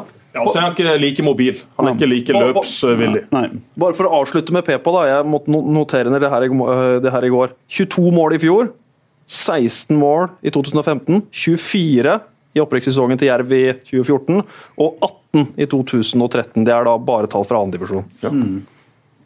Han har jo eh, Litt under noe fare med Obos-ligaen. Litt under Gausdal. Ja, Litt under. Gausdal. Men, og, eh, men både Gausdal og Pepa, i mine øyne, spillere som er andredivisjonsspillere. Jeg tviler på at Pepa kommer til å hamre inn mål i første divisjon, men jeg blir gøy. Jeg er, Det ble, jeg blir jeg er veldig uenig med det der. Jeg mener Gausdal for eksempel, i Jerv hadde skåra masse mål. Jeg skjønner, ikke at Jerv, jeg skjønner ikke at Jerv ikke har prøvd å hente han, og de har, at de kikker til Senegal og sånn. Det, det skjønner jeg ikke. Nei, det, det vet jeg ikke. Men eh, Pepa er jo en helt annen eh, type spiller som profitterer på fart og stikker bakrom, og så er han en god avslutter. Han kommer ikke til å få Jeg blir glad hvis eh, sjansene. Pepa hamrer i mål. Det er en fantastisk ja. flott gutt, men jeg har spilt mye med han, jeg har spilt mye mot han. og ja, han er rask, men han er heller ikke så rask. Det er ikke sånn at han kommer til å eh, galoppere fra samtlige er midtstoppere i. Obos-ligaen. Ja. Og spilt på veldig gode lag i andredivisjon. Absolutt. Og det har også Gausdal gjort. Han Ja. kommer til enormt med sjanser for sitt kjære Vindbjart. Jeg tror ikke han hadde blitt noe stor spiss for Jerv. Da har de mye bedre alternativer der. De har en veldig god spiss i Jerv. Det har de. Men vi kommer snart til Jerv. Ja. Vi gjør det. Jeg vil ha Skal ikke ha de på Jeg vil ha åttendeplass. hatt Gausdal da. Ja, altså, for all del Gausdal i forhold til Rankovic og Peper, ja, selvfølgelig kunne de hatt han. Ja. Men uh, Gausdal har så godt betalt i Vindbjart at ja. det hadde aldri Arendal engang hatt Er råd det til. noe mer vi må si om Arendal? Vi kan jo dvede Vi enda ta- mer ved disse vi må ta med også treneren, da, Knut Ja. Tørum. En spiller som har vært i Start. Hva sa jeg spiller? Han er trener, han. Så klart, han er trener. Knut Tørum, trener i Arendal. Vært trener i Start. Og i Rosenborg. Og i Rosenborg. Og i Moss. Og i Moss. Og for uh, Stabæks kvinner. Han har Ja. mye erfaring. Og kvinnelandslaget, vel òg. Ja, var- som assistent til. Høgmo i sin tid. En Men spiller Jesper, som du- ikke fikk du noe god avskjed der. Vi trenger jo ikke legge skjul på at du har et litt anstrengt uh, forhold til, til Knut, men uh, ja, han eh, sitter der ennå og har fått det til. Absolutt. Han er den eneste treneren i Arendal som har fått de til å rykke opp. Han har masse erfaring fra sine tidligere klubber.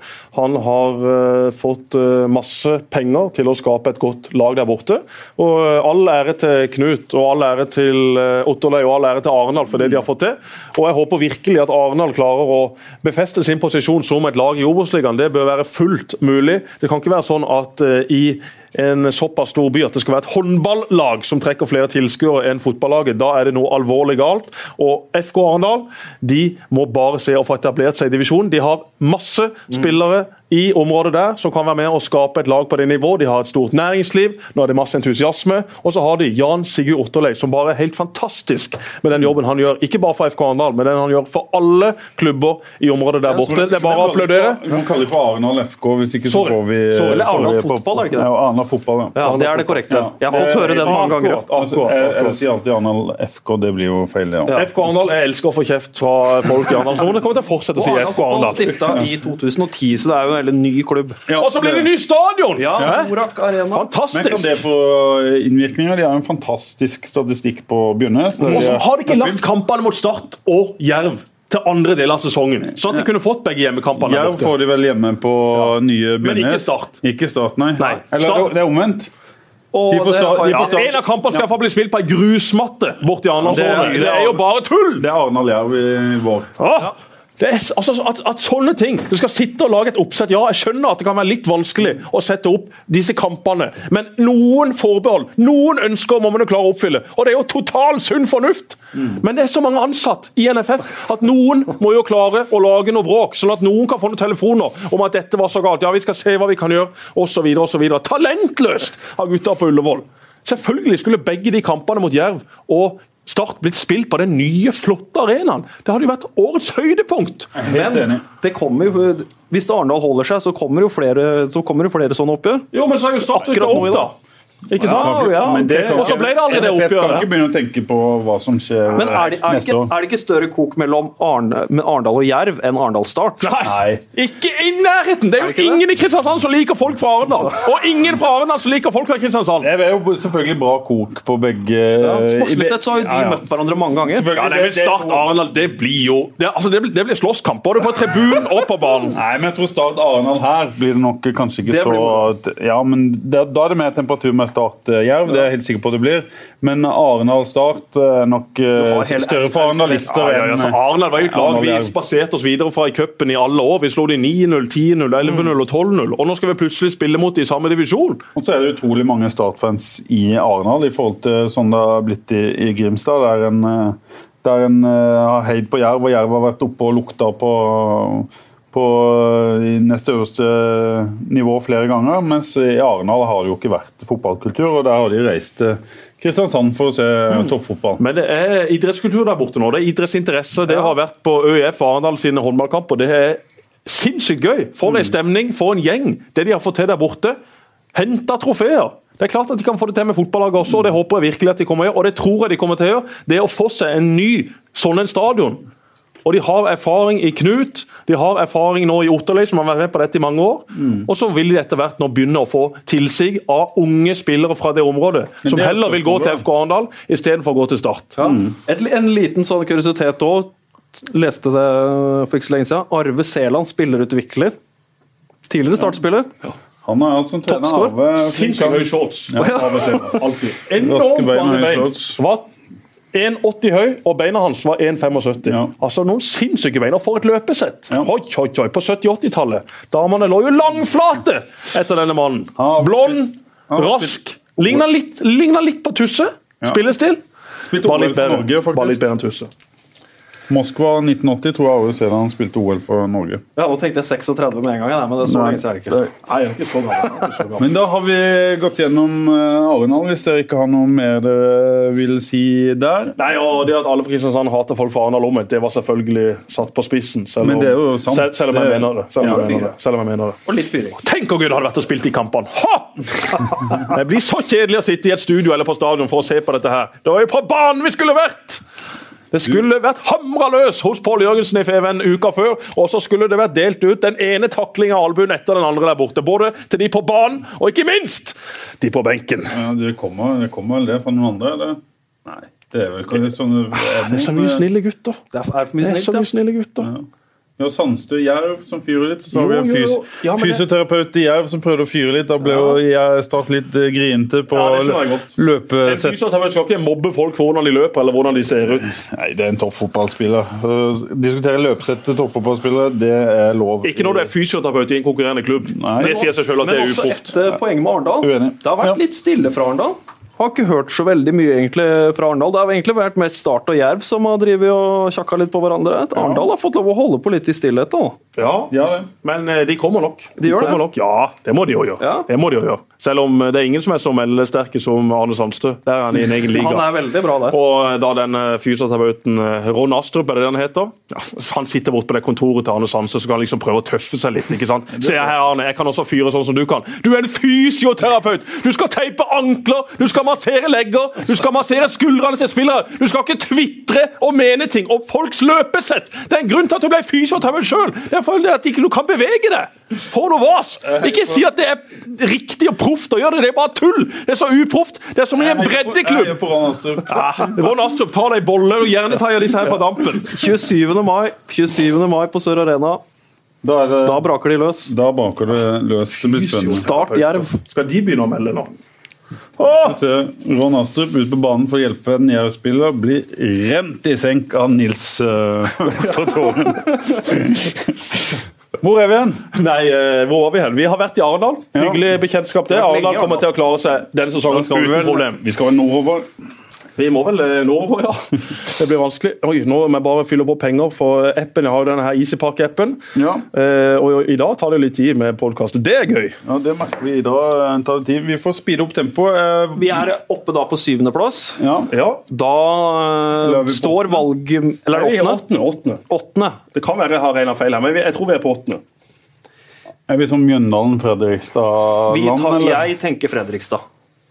Jeg tenker Fredrikstad akkurat utafor kvaliken, og forhåpentligvis da for de tynnslitte nerver i Fredrikstad langt unna bunnstriden. Ja, Fredrikstad de har kvalitet. De har, eh, De har bolle i munnen. De har, eh, du har bolle i munnen, ja. Det, det, de har kvalitet, men de får det jo ikke til. Det er jo en klubb som, som Fredrikstad. Er. Bytter trener hvert halvår. Siden 2015 så har de som er preget av det totale kaos. ja. Får det ikke til, og det er så synd. For det å spille fotball i Fredrikstad, det å ha Fredrikstad som en del av Eliteserien, det er jo fantastisk. For en fotballby, for en entusiasme. Og historie som Ja, ligger i bakgrunnen der. Det er veldig gøy. Jeg har et sånn ark der uh, det er notert litt om de forskjellige klubbene. Fredrikstad stadion, kapasitet 12 565. Og de hadde jo det mot Strømmen, husker jeg i fjor. Så var de vel opp mot 10 000 i en sånn kamp, en sånn Folkets kamp, eller hva de kalte det, for å samle folk. Samla mange folk. Da var da Mons var uh, trener, tror jeg. Og det tror de vant 1-0 eller et eller annet noe sånt. Så Men Fredrikstad kommer jo igjen. Det er jo litt sånn som, eh, sånn som Start. òg. De har jo tradisjoner, de har fotballkultur. og så er spørsmålet hva som skal til for at de klarer å løfte seg inn. Men er de helt på, er de på feil kurs nå? uten at Jeg kjenner ikke Fredrikstad sånn som du gjør, f.eks. Amund. Andrea Loberto, da, som er den nye mannen inn, henta fra henta fra FK Haugesund, har lefla litt fram og tilbake med formasjoner. Veit ikke helt kanskje hvordan man skal stille mot Start nå til helga. Er det 3-5-2, 4-4-2, 4-5-1? Og hvilke spillere hvor? Og ikke minst da, så tenker jeg også litt sånn kommunikasjonsmessig. da Man har henta to kroater, som ja, på papiret kjempespillende. Han Leko midtstopperen han eh, Trebotic på sentral midtbane spennende. Henta to finner. Landemekki midtstopper og Veteli vel på sentral midtbane. Det er veldig mye nytt. De bytter nesten ut hele laget. Hele forsvarsfireren er bytta ut. Og det kan også godt hende at på Sør Arena nå på søndag, så er det ingen fra Østfold i startelveren. Det kan hende. Så er det et godt spisspar i Flo og, Og Kapitsic. Kapitsic. Ja. Og en Daie også som lurer litt, Ja. kanskje i bakgrunnen her på en spissplass. Han unge Ndaye som var i uh, Bodø. sammen med han andre Ndaye, som da er proff i, Ja. i Tyrkia. De må ikke forveksles. Nei, men de har eh, enorm eh, gjennomtrekk av spillere. og det var jo også, Vi så det jo på Fredrikstad, nei, vi så det jo på La Manga, eh, hvor Fredrikstad var et av de lagene som var der samtidig med Start. Bra lag eh, på papiret, en bra stall, og som du sier, henta inn to kroater som blir omtegna som for gode for norsk førstedivisjon, og det er alltid skummelt. For da er det ofte sånn at de flopper. Da er det ofte sånn at de ikke var så himla gode uansett, men dette er jo da Kevin Ingebrigtsen, broren til Kåre Ingebrigtsen, som er agenten til disse gutta, som har tatt de da til Norge for å prøve å gi de en god opplevelse her, og så da selge de videre. Så de har et eh, spennende lag på papiret. Loberto vært i Vålerenga, fikk skryt der. Vært i Haugesund, har fått skryt der. Nå i Fredrikstad. Han har ikke så mye erfaring som hovedtrener. Nei, nå er det hovedtrener. Nå er det han som må stå er ansvarlig hver eneste Og gang. presset i Fredrikstad er stort. Mons Gigantisk. Ivar Mjelde han takla det fint, og det var jo han som burde vært der. Ja. Han som var der før, takla det jo særdeles dårlig. Det var i hvert fall han unge som Jeg vet ikke om det var en imellom der. Uh, mellom der så var det vel uh, Han som gikk ut litt fram og tilbake. Ja, det var jo. For å ta det kronologisk, da, så var det jo i 2015 starta sesongen med Håkon Wibelund. Begynte jo Og tenkte- elendig. og Og det begynte å huske det var noen videoer der hvor han gikk ut og klagde på netthatere og alt mulig sånn, og da har du tapt. Det. Da, da har du tapt. Ja. Og så tok jo Arne Erlandsen over da, siste halvdel av 2015. Han ferdig da. Og det som er interessant i 2016, en liten periode i 2016, så var de to trenerne som trente Fredrikstad, var en kort periode hovedtrenere i Eliteserien. Håkon Wiberlund i Strømsgodset fikk vel én kamp før Skullerud kom inn. Og Arne Erlandsen tok over Lillestrøm og redda de.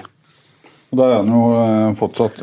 Skagestad Arne Erlandsen apropos det, var jo inne på dette kickoffet i går, og eh, alle trenerne fikk eh, spørsmål om eh, hvilken ekspert er du mest enig eller uenig med. Arne, Arne Erlandsen svarte eh, med. For jeg hadde jo sagt at jeg trodde Arne Lillestrøm kom til å rykke ned i fjor da de sleit som mest, og der tok jeg jo feil. Og så var det Ole Gunnar Solskjær som var mest uenig med meg, eh, og jeg mente jeg tok feil, og så sa jeg ja. Eh, Jesper tar mye feil. Blant annet så tippa jeg Molde på en andreplass i fjor. Med det budsjettet med den spillerstallen så burde de vært veldig nærme Rosenborg. Men de endte 24 poeng bak, langt nede på tabellen, så ja. Du Der tok jeg kraftig feil. venner, Hvem som er dine fiender nå etter gårsdagen? Eh, Ja, Ian Børsel han var veldig mye enig med meg, likte meg godt. Eh, Han kan ikke norsk, så Nei, han kan ikke norsk. Han skjønner ikke hva jeg sier. Han bare ser på kroppsspråket og tror at det er bra. Men eh, nei da, det, det er hyggelig det at de legger merke til hva som blir sagt. Ja. Og så tar jeg det med eh, veldig eh, Hva skal jeg si? Jeg syns det er hyggelig at noen eh, ikke er og jeg syns det er hyggelig at noen ikke liker alt det jeg sier. Det er jobben min. ja. Fredrikstad òg, da. Gikk ut på hjemmesida si nå og kom med sin målsetning. Etablere seg på nivået. Ikke sant? Altså, det Hvor går jo ikke. Ikke som dørgende kjedelig er det for den gigantiske klubben? Ja, ja, men da gir vi den åttendeplassen ja, til Fredrikstad. det Kan så klart være med å knive opp mot Det kan kvalikplass, men hvis de skal følge tradisjonen de to siste åra, så er Loberto ferdig til sommeren. Ja. Men med måten vi setter opp laget så kommer vi til å ende med et eller annet drittlag høyt opp på tabellen. Et lag vi har glemt. glemt. jeg, jeg Har, er det noen vi har glemt der, Ahmed? Nå- Som vi Rett utafor Levanger. Levanger ja. Du har Levanger, og så har vi Strømmen. Ja. ja. Men Strømmen de kan vi vente et hakk med. ja. De har vi sett på Levanger. Ja, det er ikke, vi skal ikke, Du skal ikke kimse av Strømmen. Skal ikke det, men vi tar Levanger først, da. Ja, vi kan ta Levanger. Spennende spisspar. Jo Sondre Aas skåra mange mål i Obos-ligaen, og ikke minst Robert Stene. Forsvarsspillere, der har du han der Tom Erik Nordberg og Per Werner Rønning. De er knallbra. Henta inn venstrebekk Erik Tønne, trønder. Fortid i Sheffield United og veldig mye forskjellig annet. I- Ja. Kommer til å skåre mål på dødball mot Arendal. Det er mitt tips for Ja. denne sesongen. Og så har de vel, for å trekke frem det litt negative også med Levanger, da, der har de jo en litt sånn prekær keepersituasjon. De har jo en sånn Ola Rygg som har stått i mange år der. Henta inn en engelskmann, Lloyd Saxton. Henta lånt Fantastisk fra navn. Ja, veld, veldig moro navn. Det er en keeper som står med sånn eh, sixpence, Ja. er det ikke det? men sixpence-keeperen får vi da ikke sett. Nei. Han er skada. Og sendt tilbake igjen til eh, Sundsvall i Ai, ai, ai. Sverige for å trene seg opp. Så det er et lite keeperproblem oppe i Levanger. Lord Sexton. Eller heter han Lloyd? Ikke Lloyd, Ja. Lloyd Saxton. Og så har de jo et uh, trenerpar i uh, Magnus Powell og Frode Birkeland. Og den eneste som jeg vet har blokkert meg på Twitter, det er Frode Birkeland. Det, Yes! Frode Birkeland la ut en melding om meg en gang da jeg kommenterte en kamp. Det var noe han var uenig med. Og så var det egentlig sånn en melding som ikke jeg syntes var sånn kjempehyggelig. Jeg er venn med han på Facebook, jeg var venn med han på Twitter, og da tenkte jeg kan du ikke bare sende meg en melding da, hvis du er enig, istedenfor liksom skulle legge det ut der uten å tagge meg. Men jeg fant han, og jeg sendte han en melding. Liksom, hva, hva er greia? Har du, har du noe imot meg? Kan du ikke bare sende meg en melding da, hvis det var noe du var veldig uenig med? Nei, det mente han at vi var ikke kolleger, vi var ikke en del av den samme fotballfamilien. Han var trener, jeg jobba i TV, så han bare blokkerte meg. Så Frode Birkeland, uansett hva han tvitra i år, jeg får ikke sett det. Many of us have those stubborn pounds that seem impossible to lose, no matter how good we eat or how hard we work out. My solution is PlushCare. PlushCare is a leading telehealth provider with doctors who are there for you day and night to partner with you in your weight loss journey. They can prescribe FDA-approved weight loss medications like Wagovi and Zeppound for those who qualify. Plus, they accept most insurance plans. To get started, visit plushcare.com slash weight loss. That's plushcare.com slash weight loss. Men vi ønsker deg lykke til i årets sesong. Ja, han er gammel Nei, jeg tror ikke jeg har spilt mot han. Jeg tror ikke det. Men jeg snakka med en Palamanga, og det var hyggelig. det liksom. Jeg tenkte, nå må jeg bort og hilse på han, og så Men viktig å ha klare skillelinjer mellom da ja, så pressen, så, så kom, kom, kom jeg hjem, hjem her, og så logga jeg meg på Twitter. og så, så skulle jeg bare for gøy se om Frode Birkeland hadde tvitra noe i det siste. Det var veldig stille. Nei, du er blokkert fra å se denne personens Twitter-meldinger. Det er greit. Okay, det er Frode sånn. Birkeland, hvis du ser på eller hører på dette. Ja, For nå unblokker meg, da! Ja. Jeg har jo ikke, ikke noe imot det. Magnus Powell han er en artig Ah, type. Hvilken spiller i sin tid?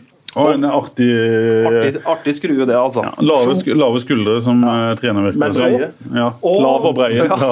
Veldig breie. Også, også, Faktisk de breieste i jobb også fått eh, øvd seg litt som trener i Rogaland og nede i andredivisjon Egersund. Ja. Også fått lov å jobbe litt oppe i Levanger der. De har planer om ny stadion. Og som vi da har vært litt inne på, da, på vei kanskje til å ta over litt over det der nest beste laget i Trøndelag for, fra, fra Ranheim. Veldig spennende med ny stadion oppe på Moan her. Jeg var der én gang i fjor, og det var slitent anlegg oppe på Men når er det nye stadion klar? Er det, er det klart nå? Nei, den eh, er under ombygning. Okay. Så skal det legges nytt dekke osv.? Dekket var jo helt, er jo Ja, ja, helt men det var jo en stor fordel for Levanger. Ja. De var jo kjent til dette. Det var jo marerittarenaen for lag i Obos-ligaen å komme til. Så de mister litt av hjemmebanefordelen da, når det Ja. kommer nytt dekke.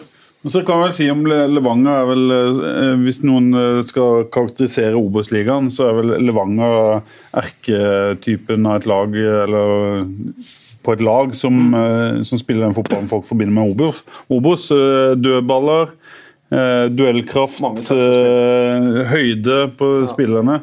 For Obos-ligaen er vel egentlig ikke sånn lenger at det er mange sånne lag, men Levanger er definitivt et sånn et lag som er knallhard å møte. Det er det. Fine spillere på, på midtbanen her, og i Vegard Wold og han spanjolen han Mateo Lopez. Ja.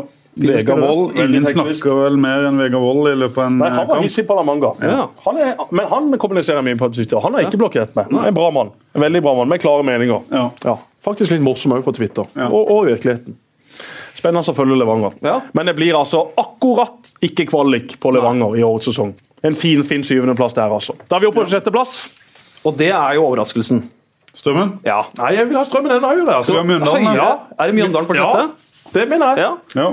Ja. Jeg vil kanskje hatt Mjøndalen enda lavere, men nå har vi jo fylt opp disse plassene. Mjøndalen de ser ikke mye bra ut. Mista Joakim Solberg Olsen. Veldig viktig kaptein og venstreback gjennom mange mange år. Rot på keeperplass. Ja, Det har vært mye rot i Mjøndalen eh, de siste sesongene. Og Vegard Hansen Lever Vegard Hansen litt farlig, eller? ja, men Gjør han det? Han og Kenneth. Karlsen i den klubben de har jo vært der i alle alle år. Det er de som har bygd det opp til at det skal bli Men en eller annen gang eh, så blir det jo en uh, slitasje. Litt sånn Claudio Ranieri. Ja. Kanskje en gang så uh, må de gjøre noe, men, uh, Men de har foreløpig resultatene til, til Ranieri, da. Så, Neida, men de de- oppover der og ja, ut litt. Men de vel sitt, fant vel sitt, på en måte sitt egentlige nivå i fjorårssesongen. Mjøndalen skal være på. Mm. Så det er ikke noe sammen. men, men altså, det, det har mista litt av den entusiasmen som var der. Alt er ikke nytt lenger. De har ikke de samme spillertypene som spilte Mjøndalens fotball. Og så har de Gaustad øh, og Gauseth og Mats Hansen er ikke så spennende som det de en gang var. Nei, de er mer spennende utenfor, uh, utenfor banen. Nei, det, det, jeg syns ikke det heller lenger, liksom. Alt har falma med Mjøndalen. Spennende venstreback inn fra Nesotra, bergenser. Han er Petter Martinsen. Mange kompakt. Ja, ja kompakt mener- som var oppe med Nesotra når de var i, øh, når de var i Fått en ny svensk kaptein. Ja, Bør være en eh, bra signering. Så er jo Thomas Sørum et, eh, en, i utgangspunktet en klassemann. Kan de få i gang han, så er det en, eh, som en forsterkning for dem. For han har slitt veldig til nå, men det sies at han har hatt en OK vinter og kommer til å spille flere kamper enn han har gjort tidligere. Så Mjøndalen har selvfølgelig, når de kan stille med sine elleve beste, så har de et godt lag. Men de har fjerna seg litt fra identiteten sin. De ble kjent for å rykke opp, for å være i tippeligaen, med å spille en enkel type fysisk fotball. Så skulle de plutselig begynne å spille noe helt annet, og det har ikke passa de veldig godt. Så Mjøndalen de får uh, den siste kvalikplassen. Ja, jeg syns det er godt spiller- betalt det for dem. Ja, en men, men, som jeg liker veldig godt å bare nevne han, selv om jeg ser jo han er ekstremt ujevn. Amal eh, Pellegrino, Pellegrino, som har et ekstremt høyt eh, toppnivå, med både fart og avslutningsferdigheter og teknikk, men han eh, har det kanskje Har- ikke i han topp, topplokket. ja, litt X-faktor på Pellegrino, absolutt. En av de spillerne som frøs mest Han under den der regnkampen sinna mot, sur mot. Han må få smil og energi i ja, ja. spillet sitt. Så... Henta også inn en litauisk spiss, Stanke Visius, som man har tro på. Gitt han var en treårskontrakt eller noe sånt, så det er en spiller man har tro tro Det på. ut som en som kunne spilt på Start på midten av 90-tallet. Ja, det gjør det. Han kunne, altså, de trengte en spiss som var sterk i boksen, og han er jo først og fremst henta inn for å bli fora med innlegg, og så skal han krige og slåss der inne. Så vi får nå se hva Mjøndalen har å by på. Og Jeg så bl.a. et bilde fra i går på Glenn Andersens eh, Instagram at eh, han og Gauseth hadde skværa opp. De ga hverandre en god klem, og det var et flott smil fra begge to.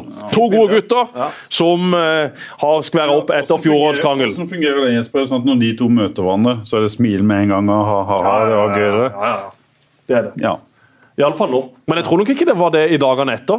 Da var det nok Men for litt sånn var det sånn, men ikke for Gauseth. Samtidig, altså når du møter dem, så, så er det jo litt sånn. Altså, Er eh, ikke Gauseth litt med på leken nå? jo, han er jo det. Det er Han jo, det er jo et spill. Han er jo en humorist, han òg. Ja, ja, Men du vet det, aldri liksom, når du trykker litt, pirker litt i dem, og at eh, Nei, nei, nei. nei. For det er jo det som er litt om å gjøre, Ja, ja, ja. å- å få satt Nei, folk vi litt ut. Gauseth eh, Han ble satt litt ut der. Ja, Han skulle ble- sitte der med Sånn som han, Adam Ron Astrup og med, en start. Muppet! Skal de spille sin Muppet-show på Kilden, så er Ron Astrup en av de som får hovedrollen Det er det lite tvil om. Nei, det er derfor jeg mener Ron Astrup eh, traff eh, godt Ja, det- kan det var- gjerne det si var at det var- ufint. Du kan ikke se hvordan Nils svarte. Nils svarte jo proft 100 Ja, ja, Han tok det- det meget elegant. Men uh, andre Start uh, gjorde ikke Men så, men så blir det Jeg er ikke i Start. det- Jeg er bare medlem av klubben. om det på sosiale medier og alt mulig sånn, Da blir det en liten greie, og det gjør jo bare kampene enda mer interessante. ikke sant? Det blir bare mer som bare døttes. en fysioterapeut skal teipe ankler, han skal massere skuldre, legger. That's it. Ja. Stå inne på et mørkt rom med den tre, fem eller syvårige utdannelsen sin, og ikke drive og tvitre. Og det har han ikke lært seg. Har du satt opp de fire siste? Nei, Jeg bare satt opp eh, for å se at vi var på rett eh, plassering, så jeg ikke hadde eh, bomma. Men ja, sånn sett Ja, var det mye jo Mjøndalen nå. Det er jo snakka mye om kanskje de fire favorittene. Vi har vi fire igjen. Ja, vi har Strømmen. Vi bare setter Strømmen på femteplass. Espen Olsen og deres enormt raske spiss. Ingen spiller i ligaen har mer fart enn Brensø. Ja. For en meget spennende spiller. Så ufattelig god ut på La Manga. Ja.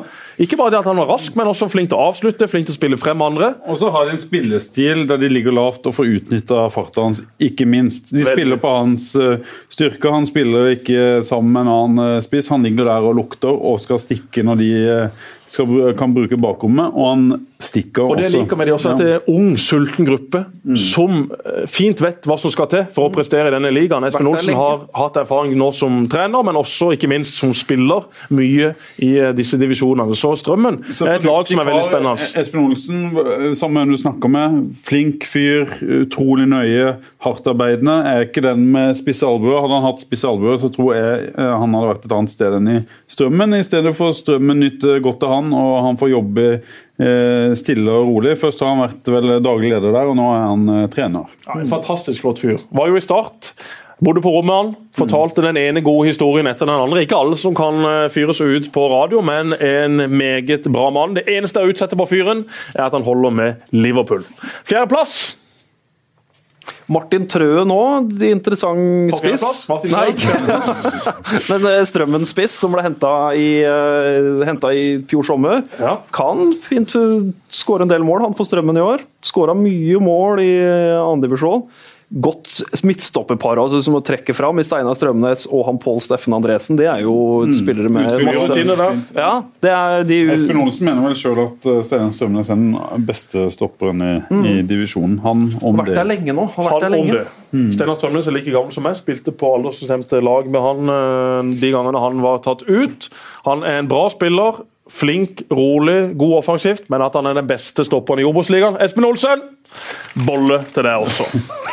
Så er det Magnus Solum òg, som eh, Ja. har vært i, Var det i fjor? Kongsvinger også, vel, som var et stort talent vel, som har eh, slitt mye med skade. Ståle Solbakken eh, spådde jo en, en stor eh, karriere for Selv Ståle Solum. Solbakken kan ta feil. Ja. Ja.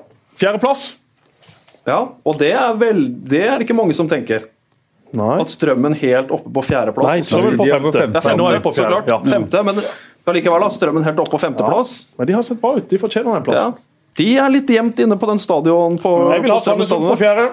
Ja, jeg er enig i Helt det. enig. Fullstendig enig. Hvorfor ikke Høyre, Amund? Fordi at de har mista Obos-ligaens beste spiller de to siste sesongene. Pontus Engblom, som har vært en målgarantist uten like. 26 mål på var det vel kanskje 29 eller 30 kamper han spilte i fjor. Det er jo knallbra. Et Erstatter angrep han med Kjell. Rune Selin. Ikke i nærheten av å være på det samme nivået. Kanskje pluss ti mål på Selin. Kanskje.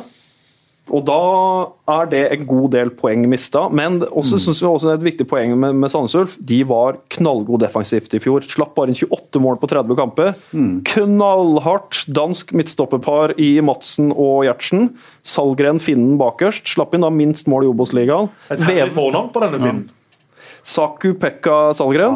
Nydelig. Nydelig mann. Nydelig. Rett ut fra de finske Ja. skoger. Rett- Og inn i badstua. Ja, Og så har de litt Vina sånn- Nisha, de har Roy Militei, de har Bojan Sajic. Spillere som har masse erfaring eh, og som er gode spillere. Og så får vi se hvordan de vil fungere. Ja, Remi Johansen også, som vil fungere da i dette kollektivet. Hvor de da må begynne å føre litt mer Mm. i sitt eget lag. Disse har vært eh, ofte de som har blomstrene og lagene har fungert. Så De har, de, har ikke, de har et jevnt besatt lag, men jeg tenker i forhold til kanskje Glimt og også Start, sånn de ser ut nå, så har de ikke de, ikke de eh, nei, offensive spillerne som går eh, frem og, og trekker lag, resten av laget med seg. Men det kan jo eh, fort eh, dukke opp. Det kan jo være en Celine eller Kent Håvard Eriksen Ja da, ja som plutselig får Kent Håvard Eriksen også, det er en fin spiller. Veldig rask eh, han kan, jo, han kan, han kan jo kanskje ta opp hansken litt etter mm. Engblom.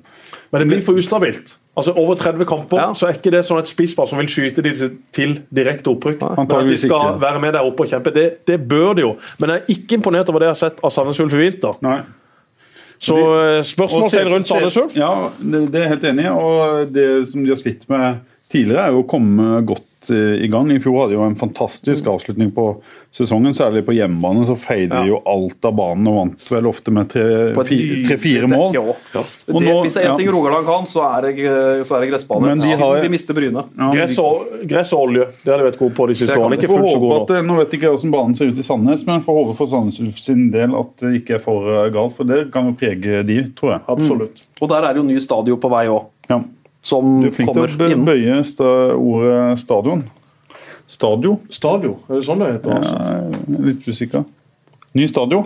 Er Usikker sjøl, ja, nå. Ja. Nå ble jeg veldig usikker. La oss sjekke opp i det. Ja. La oss sjekke opp i det. Så er vi på tredjeplass. Der er pallen. Ja. Hvem skal vi ha der, da? Jeg mener jeg, Noen som spiller i gult? Ja. Jeg mener Jerv eh, skal være der. Jeg tror eh, både Glimt og, og Start har litt bredere stall enn det Jerv har.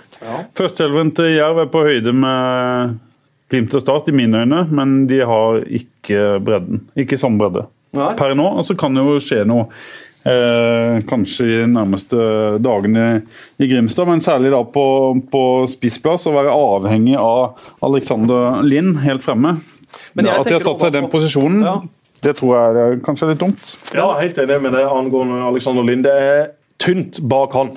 Han har uh, historisk sett ikke vært uh, frisk uh, i 10-11 måneder på rad. Han kommer til å få noen skader, han kommer til å få noen strekker. Det kommer til å være en eller annen Liverpool-kamp han skal reise på med disse håpløse kompisene sine. Det kommer til å være noe som gjør at ikke han spiller 30 kamper for Jerv. Og hva gjør de da? da vil... Danso har de vel sagt et alternativ, og så er kanskje han Hoel Andersen nå ja. en, en, type som kan uh... Men det er liksom ikke på det samme nivå som spiss Nei. i Obos-ligaen. Du vet ikke hva du får. Du vet ikke hva du får. Og så har du Jakob Toft, da, som er uh, bak der igjen, men det blir jo bare en reserve. Det blir bare en reserve. Maks. Ja, så Han har i hvert fall sett sånn ut uh, nå. Skåra et fint mål mot uh, Jerv. Har fått litt bukt med noen mot ja. Uh, ja, har fått litt bukt med helseproblemer som mm. har satt han uh, tilbake. Men i utgangspunktet så er jo han også en Du så det mot start. Ja. Hva det vil si å mangle to-tre av sine beste. Ja da detter de veldig nivå. Ja. Og så er Det jo alltid sånn at det lag som taper en treningskamp, sier nei, dette er jo treningskamp. Det betyr jo ikke Står bare der og lo etter kampen. Mm. Og, starta som vinner, ja, dette var viktig for oss. Sånn er det jo alltid. Det er jo klassisk. Du så hva Jerv har når ikke de har alle sine beste. Mm. Jeg syns Jerv i vinter på La Manga var det laget som imponerte meg mest. Mm. Spiller fantastisk flott fotball, underholdende å se på. Arne Sandstø er flink, har henta inn de rette spillertypene. Har et veldig spennende lag. Men fra 13-14-tallene og ut, mm. der begynner det rett og slett å bli for tynt. Og vi vet at det skal spilles enormt med kamper, både i serie og et par cupkamper, som vil gjøre at bredden i Jerv stall den vil få testa seg. Og plutselig så blir Ågung Baro solgt, mm. og så får de selvfølgelig penger for han til sommeren, men så skal de da ut og finne nye spillere av hans kaliber. Det er ikke sikkert heller det blir så veldig lett. Tønnesen ja. kan fort bli solgt hvis han fortsetter å levere på mm. nivået som han gjorde. Det er ikke mange gode venstrebacker her, verken her i landet eller i ikke, ikke så mange gode midtstopper heller her i landet. og nå er Tønnesen helt oppe på U21-nivå. Det er han. Ja, så fast, han, øh, var fast i fjor. Så øh, har jeg et spørsmål til ved Jerv, og det er midtstopperposisjonen. Glenn Andersen, fantastisk øh, flink og en gullmann for det laget. Men litt usikker på han og Nils Petter Andersen, som har vært skada så lenge. Jeg synes mot uh, Start at en så at, uh, at de ble utfordra langs bakken på, på tempo. Er det naturlig? To uh, gode duellspillere begge to. Som spilte den kampen. Ja. ja. Du har også hatt tenkte jeg på, Nå tenkte jeg på mot Arendal. Ja. Hvis det er Nils Petter Andersen og Glenn Andersen, jeg tror de kan Uh, være gode i, i, kamper der Start klarer å styre Nei, Jerv uh, klarer å, å, styre spillet. Så er jeg litt uh, usikker når det går fort langs bakken. De har iallfall tre gode midtstoppere altså, ja. som vil være solide i Obos-ligaen. Og det er iallfall viktig at de har dekning der. Det har de. Og så har de sånn sett grei dekning også i de andre posisjonene. De, de mm. kan klare å omrokere litt og få en bra gjengen på banen. Men akkurat på spissplassen der er det veldig tynt. Ja. Og Der jakter de nok en eh, spiss. og Rune Jacobsen og co. driver nok og ringer rundt for å høre om det er muligheter. Men det er ikke alltid så lett å få inn spiss. For alle vil jo ha en spiss som er god og skårer mål. Det er jo det aller vanskeligste å kjøpe. Midtstoppere. du er jo Mange ganger har ikke vi nevnt det her i dag, at de har gode midtstoppere. Mm. Ja. Men Norge har ikke gode nok midtstoppere! det har de ikke. Men, altså, vi må si litt om de nye Jerv-spillerne, ja. de som vi ikke kjenner så godt. Kan jo begynne med han høyrebekken Bris, som sikkert du har god kjennskap til Amund. Østfolding. Han er vel helt motsatt av Korovic, som de hadde her i fjor. Ja. som var God, de, god, defensivt, og hver gang han fikk ballen og skulle ta den med seg fremover, så spilte han tilbake til en av midtstopperne. Ja. Der har du ikke Nei, for Korovic var jo et veldig trygt valg da på høyrebekken. Han er en spiller som var uh, veldig mye inn og ut av laget i 2015, Spiller og spilte så, så, så å si fast i fjor på høyrebekken. Trygt valg som nå har gått til Arendal, og mest sannsynlig er nok inne i startelveren der. Mm. Men så får du noe helt annet med pris ved Mangomo, da. Mm. Du får jo en lynhurtig høyrebekk som kanskje ikke er så fotballklok, tar kanskje noen dumme valg her og der, men sånn hvis man setter opp mot hverandre, så får du jo en veldig fin offensiv bekk, da, ja, som er så lynhurtig. Skal vi avsløre det trekket til Jerv like godt her på, på fotballradioen, i tilfelle det er mange av klubbene som sitter og å høre på når Jerv har kornet corner mot seg.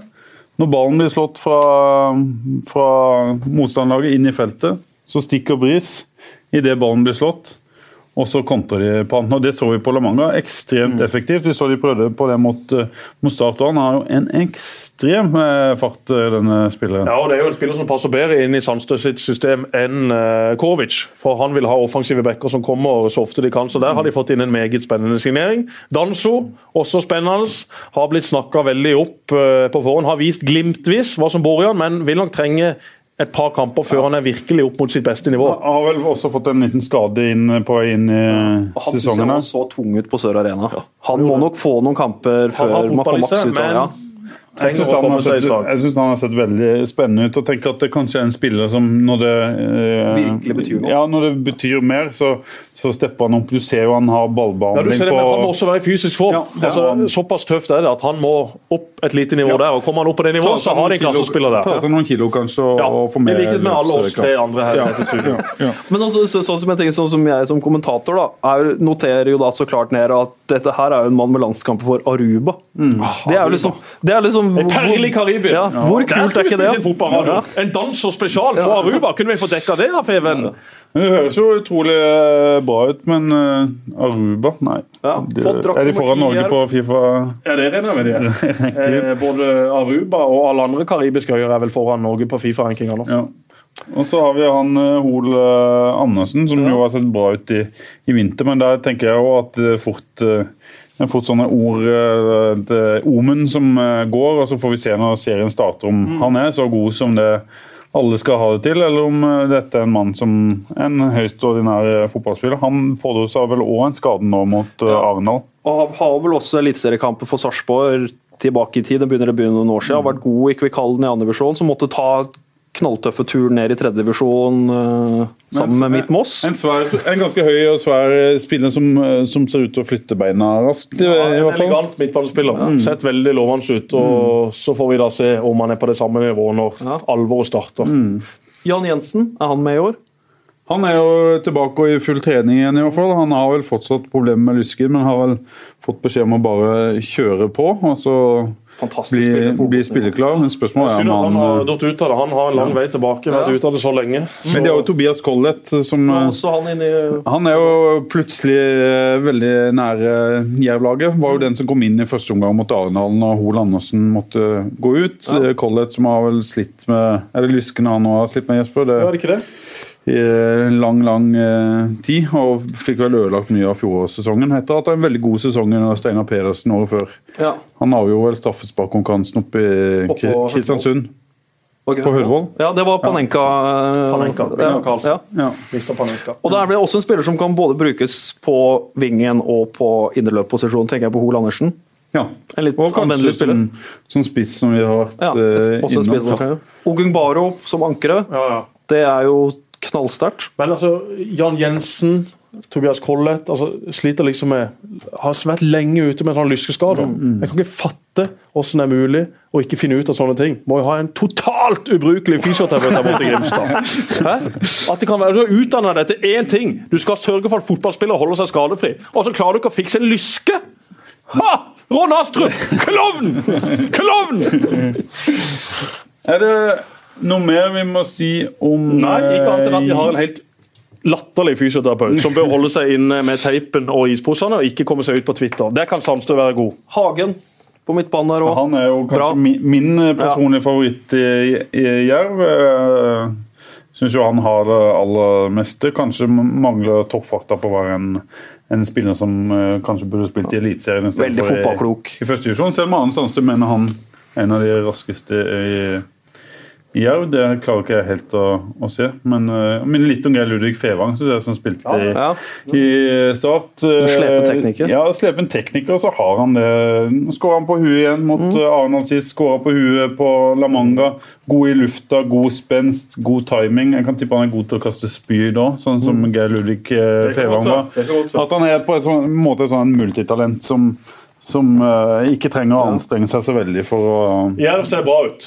Få Det gjør det. Det ser bra ut. Men så tenker jeg da, hvor mange poeng eventuelt er det opp fra tredjeplassen og til første- og andreplassen? Hvor jevnt blir det her i topp fire, topp tre? Veldig jevnt. Det tror jeg òg, men kanskje et, et av de to eh, Glimt eller Start eh, stikker av gårde. Det tror jeg fort kan skje. Eh, Start kan gjøre det hvis de får en god start. Det tror jeg ikke Bodø-Glimt på? Vi er ferdig med her. Tredjeplass. Programmet presenteres av Dues Sportsreiser, spesialisten innen sportsreiser. Det kan bli direkte opprykk også på Jerv. Det kommer Ja. til å være tett og jevnt. Jeg Og de er imponert i vinter. Så vi ønsker uh, Jerv, Svaberget og Ron Astrup masse lykke til. Hvis Start vinner de to første kampene, så tror jeg de vinner serien. Eh, hvis ikke, så tror jeg Glimt gjør det. Og da er det da Fredrikstad hjemme og Kongsvinger borte. Ok, Sannsynligvis så vinner de jo ikke de to første kampene. Nei, da tror jeg, Glimt, eh, jeg tror Glimt vinner førstedivisjon, hvis jeg skal tippe. Ja. Jeg òg tror Jeg bytta på det så seint som i går kveld etter noen telefoner fram og tilbake, så jeg, Hvorfor bytta du? Nei, jeg hadde bare, jeg bare i, utgangspunktet, I utgangspunktet så satte jeg bare opp start på førsteplass. Tenkte jeg at jeg syns det har sett bra ut. Jeg synes liksom Det har begynt å sette seg, men så begynte jeg liksom å snakke med litt folk, og snakke mye med Freddy Thoresen i Avisa Nordland, som følger Bodø-Glimt veldig tett. Og vi har snakka veldig mye fram og tilbake, og han har liksom bikka litt nå mot at det begynner å se bra ut i Bodø-Glimt. De har jo en motsetning til Start. Hvis vi skal sette de to utskiftninger i Bodø, da. ja, det er jo det. Hvis vi skal sette de to lagene opp mot hverandre, så, så har de kanskje en uh, Trond Olsen som kan eh, sammenlignes med en Børufsen, som kanskje er de to viktigste spillerne. Og så har de Mathias Nordmann i Glimt, som uh, er kanskje er den beste spilleren i første divisjon. Men han kan fort uh, Ja, bli solgt solgt. Og så har de henta inn eh, spillere som skal sies å være kvalitet, men Start vet en jo hva har. De har mer samspilllag. De de har eh, kanskje en litt større bredde, og så har vel eh, Glimt eh, prestert bedre de siste, mye bedre enn Start de siste åra. Men hvem har Glimt på spissplass? Kristian Fardal Opseth. Ja, og det er ikke nærheten. Det er ikke nærheten. Han har Er det det? i den Det er, divisjonen før. Nei, nei, nei. Ikke som alenespiss. Skal han drive og løpe og jage rundt der oppe? Nei, det tror jeg ikke. Han kan spille som én av to spisser, en flott avslutter, men som i spillet ellers, den radiusen han har Nei, jeg så han på La Manga, jeg har sett han mange ganger før. Ikke i nærheten av det Start har på topp. Jeg hadde tatt Salvesen ti av ti ganger. Ja. Jeg hadde også tatt Antvi syv av ti ganger. Så 17 av 20 ganger hadde jeg valgt Start sine spisser. Ja, jeg tror, eh, jeg tror som det er at Oppsett kommer til å levere. Jeg trodde at Bodø-Glimt skulle være eh, det beste laget, det mest solide laget. Men i løpet av vinteren så har det endra seg. Og Start har nå en eh, spiss duo som er kjempespennende. Salvesen, altså. Det han gjør på det ene frisparket Ja, i Skien, det der er det ikke mange spillere i Norge som gjør. Det er helt ekstremt. Den teknikken han bruker. Sondre Rossbakk i målet, greit nok at han ikke er veldig høy, men han hadde jo ikke sjans!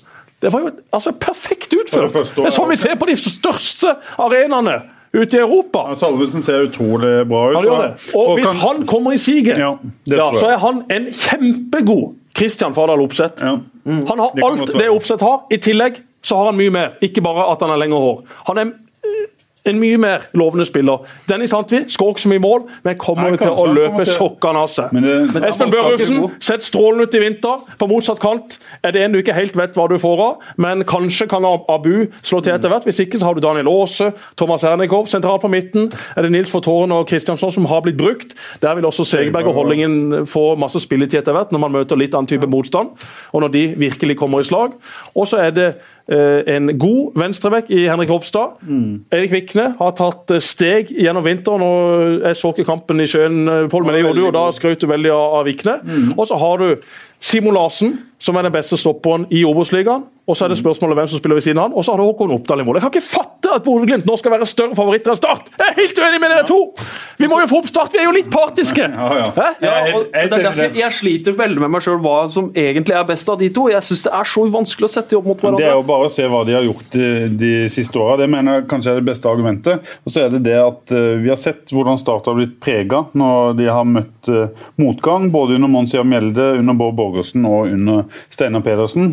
Spillergruppa er stort sett eh, den, akkurat den samme, bortsett fra Fortåren som har, har kommet Tenk inn. hvis de begynner å få medgang. ja, Tenk hvordan ja, det vil det er det jeg sier. Da tror jeg de, de kan Ja, men da tog- sier vi Vi tror tog- at Start vinner de to første kampene. tog som fosser av gårde. Og så får de en dårlig start, og så får de ikke til mot Fredrikstad, så taper de 1-0, og så er helsike løs. Og så får de en sånn høstsesong som Brann hadde da de rykka ned. Det Start har svakheter i sitt lag, men Ja. grunnen til at jeg tror Start er egentlig at jeg har mista tro på Bodø-Glimt utover vinteren. Tom Mangersnes var assistenten der oppe i fjor. Han var en mye viktigere brikke enn Åsmund Bjørkan. Jeg har ikke kjempestor tro på Åsmund Bjørkan som hovedtrener. Da har jeg mer tro på det trenerteamet Start nå har med Steinar og Andreas Jensen, som vil være en klar forsterkning, som har masse å bidra med. Hvis du klarer å vippe over Amund, så kan du sette Start på førsteplass. Lutnes, har du tenkt å være gjest i Fotballradioen også i fremtida? Men det er, det er, jeg, Hva- jeg, altså, jeg- ja eller nei? Ja. Ja. Eh, jeg har sett Start øverst, da. Ja! Yes! Sett Start, Start øverst. To mot én. Ja. Start øverst. Glimt på nummer to. Ja. Men det er helt jevnt. Jeg er helt enig. Og så vet, og så vet jo ikke vi hva som kommer til å avgjøre dette. En eh, fordel starta er jo bredden i, i troppen, eh, kanskje. Men litt angående det også, hos, hos Bodø-Glimt, midtbanen der. Da har han der Vegard Moba Leikvoll kommet inn, kjenner Obos-ligaen, kommer til å være ankeret der. Ved siden av seg der, Mathias Nordmann. Du har han nye spanjolen eh, Jurado, som høres veldig spennende ut. Og så har du Konradsen. Ja, ikke sant? Så har du Trond Olsen, Fardal Opseth. Ja, det er en bra Obo-spiller, Det er ikke ting å si på det. Dårlig backup i han Joakim eh, Osvold. I hvert fall rapporten jeg har fått. Bør være godt forsvar òg. Jeg syns Osvold ser spennende ut, da. Fysisk eh, Ja. sterk, eh, rask eh, spiller som på et godt lag kan få Og gjennombruddet. falle oppsett til en dårlig spiss i Obos-ligaen. Han har masse kvaliteter. og Hvis han først kommer i siget, så hamrer han inn mål. Men jeg mener bare, hvis vi sammenligner med det Start har på Ja. topp, og den formen den utviklinga bl.a. Lars Jørgen har vist i vinter ah, det, tatt Er det også et, et, ti. et interessant poeng at Start så å si ett og et halvt år har eh, så vidt i hvert fall hatt i bakhodet at eh, dette her kommer til å ende med nedrykk. Jeg sa det før sesongen i fjor. Start kommer til å rykke ned. Ja, de skjønte i hvert fall det. Soleklart. De hadde jo ikke de, Det er lett å si i etterkant at eh, Ja. de skjønte hvilken vei det skulle gå, men eh, fra, i hvert fall fra i fjor sommer og frem til nå har de forberedt seg på Ja. det som Det eh, var skulle komme. Erik. Ja. Alle visste jo det. Og, og, Ja, men ikke spillerne visste ikke det. Nei, Hvis de hadde hatt litt selvinnsikt, så hadde de visst det. Ja, men de har ikke fotballspillere. Nei, kanskje ikke. Men sånn som Kanskje også da, Bodø-Glimt da, så kom det her med som et sjokk. Og de har, og de har røra mye opp i Bodø med prøvespillere hit og dit Ja, og alt mulig. Henta inn Kjetil Knutsen, som også var tidligere Åsane-treneren, inn som assistenten. Det, er- det jeg tror er en stor nedgradering ja, på assistenttrenersida. Hvordan er den linken Knutsen-Bjørkan? Leo? Bjørkan òg. Der har de, de har vakla mye. I, i Bodø-Glimt også, så er jeg helt enig. De har tradisjon, og Bodø-Glimt kommer Men- til å spille igjen i den øverste divisjonen Ja. om ikke veldig lang tid. Men ja, vi må jo sette ja, ja, To er fort for oss å sitte her og, Ja. og snakke opp uh, Start òg. Selvfølgelig, vi må jo det. Det er litt patriotisk, iallfall. Ja, ja. Ja, interessant statistikk. Tre siste sesongene Start har vært på nivå to. Opprykk. ja. 04, 08, 2012. Men da har de hatt Bodø-Glimt aldri rykka på første forsøk. Nei, men Start har hatt helt andre spillerstaller i utgangspunktet. Og så er det ikke sikkert at eh, det har vært en eh, klar fordel. Det kan godt hende at eh, nå, hvis dette toget begynner å, å rulle og spillere utvikler seg Det ser ut som eh, en del spillere har begynt å ta noen steg, som vi så eh, Jerv-spillerne gjorde under Steinar Pedersen. Hvis han får til det, selvtillit i gruppa, spillere som tar steg, f.eks. Salvesen, eh, Segberg, Vikne, disse unggutta, hvis de tar nye steg og, og Ja, hvis Espen Børhusen begynner å levere igjen, ja. opp mot hans beste nivå Han har jo vært totalt borte Ja. I veldig lang tid, men i vinter har han plutselig sett uh, veldig sprek ut igjen. Så det er klart at det også vil jo være nesten en forsterkning. Ja. Få han til å krumme nakken, sånn som, eh, sånn som vi likte å se han før. Da. Ja. Da er det god spiller. Men sånn som òg midtbanen, sentral midtbane til start. Fortåren, Gummi, det er det det faller ned på. Jeg tipper de kommer til å starte sesongen. også At det er tanken med to fysisk, ganske fysiske midtbanespillere. Ut og krige til seg seire i starten. Også, Hvis en får selvtillit og toget til å rulle, så er det vel duka for eh, kanskje både Segberg og Holdingen, eller i hvert fall en av de, At det blir en, en sånn en, eh, miks der. og Særlig hjemmekamper mot eh, dårlige lag. Jeg er ikke sikker på jeg ville spilt med Fortåren og Gummi mot Fredrikstad, men jeg tror Steinar tenker at uh, krigen, krigen først. Mm, Slik, Også, slik eh, Fortåren og Gummi har prestert i de siste kampene, så starter de mot Ja, Fredrikstad. ja. Men jeg er helt sikker på at enten Segberg eller Holdingen, eller kanskje noen kamper begge to, Mm. vil være de som blir foretrukket. Segberg hadde jo dere en sak på, som har trent ekstremt mye, Mm. gått ned noen kilo, og øh, vil trenge litt tid for å finne tilbake til overskuddet og, og den Og jeg øh, mener jo, gnisten han hadde. jeg mener jo Holdningen er kanskje den aller beste I hvert fall offensivt, da. ja, midtbanespillerne i Start. Ja, hvis du ser totalt sett hva de, de skal gjøre, de to midtbanespillerne til Start så Hvis han eh, klarer å få orden på pasningsfoten, som han hadde da han kom inn eh, i fjor, og ikke slå vekk mye baller, så er han eh, best av de. Den som er mest ballsikker, den som har mest tempo i spillet, den som er raskest, eh, den som er kanskje har også det beste skuddet. Så eh, da, da får du mer dynamikk i. Du så det når han kom inn mot Jerv, hvor han eh, løper opp eh, husker ikke hvem det var, han løper opp og vinner ballen og slår en strøken ball Ja. ut med høyt tempo. Ting går litt fortere med, med holdningen. Nei, Nei, han er jo litt kjeks på akkurat det der. òg. Kjempe-Marie Ja. Det er jo en fantastisk spiller, det, men han kommer jo ikke til å spille 30 kamper i år. Han gjør ikke det. Antageligvis ikke. Og da har du jo Nei, det røyker jo første kamp hvis han starter på benken. Så jeg jo det 29 Ja, det er maks 29 med en Så jeg er litt overraska over at de, de eh, Jeg skjønner at det er konkurranse på den plassen, men at de, de henter Sernikov fra Vindbjart og har han Ja, hvor- som et hvor- hvor eh, andre-tredjevalg på Sernikov skal først og fremst dyttes inn på fredagens kickoff. På Kick der skal han ha en opptreden som kommer til å få Kick til å koke. Jeg sier ikke mer, men det kommer vi tilbake til eh, i Det neste beste for Thomas podkast. Hadde vært å eh, fått lov å trene med Start og litt med Jerv, og spilt kampene sine for Jerv som uh, indreløper. Det hadde vært det aller beste for Thomas Sernikov eh, sånn, eh, for hans del, men det kommer jo selvfølgelig aldri til å, å skje. Vi skal også eh, snakke kjapt om Eliteserien. Vi skulle tippe den. Det er klart, Nå har vi jo brukt tid på Obos-ligaen, og det var jo det vi skulle. Et par timer. Ja, et par timer, men det går fint. Det går fint. Vi kan rase kjapt gjennom Eliteserien. Jeg har jo satt opp denne. Den skal jo da lanseres eh, på TV 2 i løpet av uka, men eh, det er jo ikke så mange som hører på radioen vår. Det er jo bare en 6000-9000 lyttere, så vi kan jo for sånn sett bare eh, ta det oppsettet jeg har, og så kan vi jo krangle ut fra det. Så slipper vi å gå like detaljert eh, gjennom eh, hvert lag der. Jeg må bare finne det jeg sendte, da. Skal vi se her. Kan ikke dere holde praten igjen eh, litt sånn? Hvem blir toppskårer i Obos-ligaen? Bjørn Bergman Sigurdsson har jeg satt mine Ikke i. Obos-ligaen. Nei, i Obos. Ja. Ja, Obos, eh, toppskårer eh, Jeg tror det blir Lars Jørgen. Jeg tror også det. Pengene mine er satt på LJS. Ja, han... uh... Lars Jørgen Salvesen som toppskårer. Det er ikke noe dårlig. Jeg har sett, tipste. stått og sett ham på avslutningstrening, på trening. Jeg ser ham før kamper. Han har fått en uh, ny måte å avslutte på.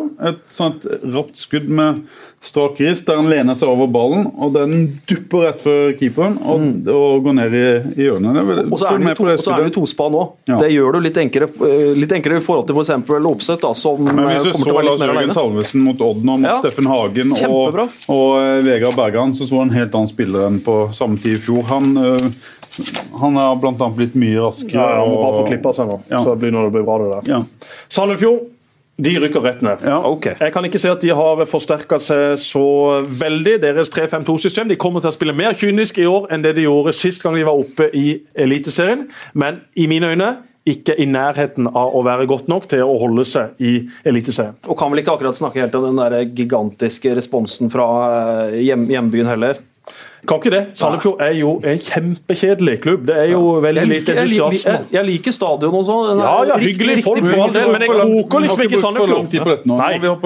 De får Nagnestad, det blir spennende. Naglestad blir spennende, Ja. men eh, han er ikke kommet dit enda. Nei. Så eh, når vi nå eh, tipper denne tabellen, så er det uten Naglestad. Stabæk de tror jeg også kommer til å rykke ned. Var nære på i fjor.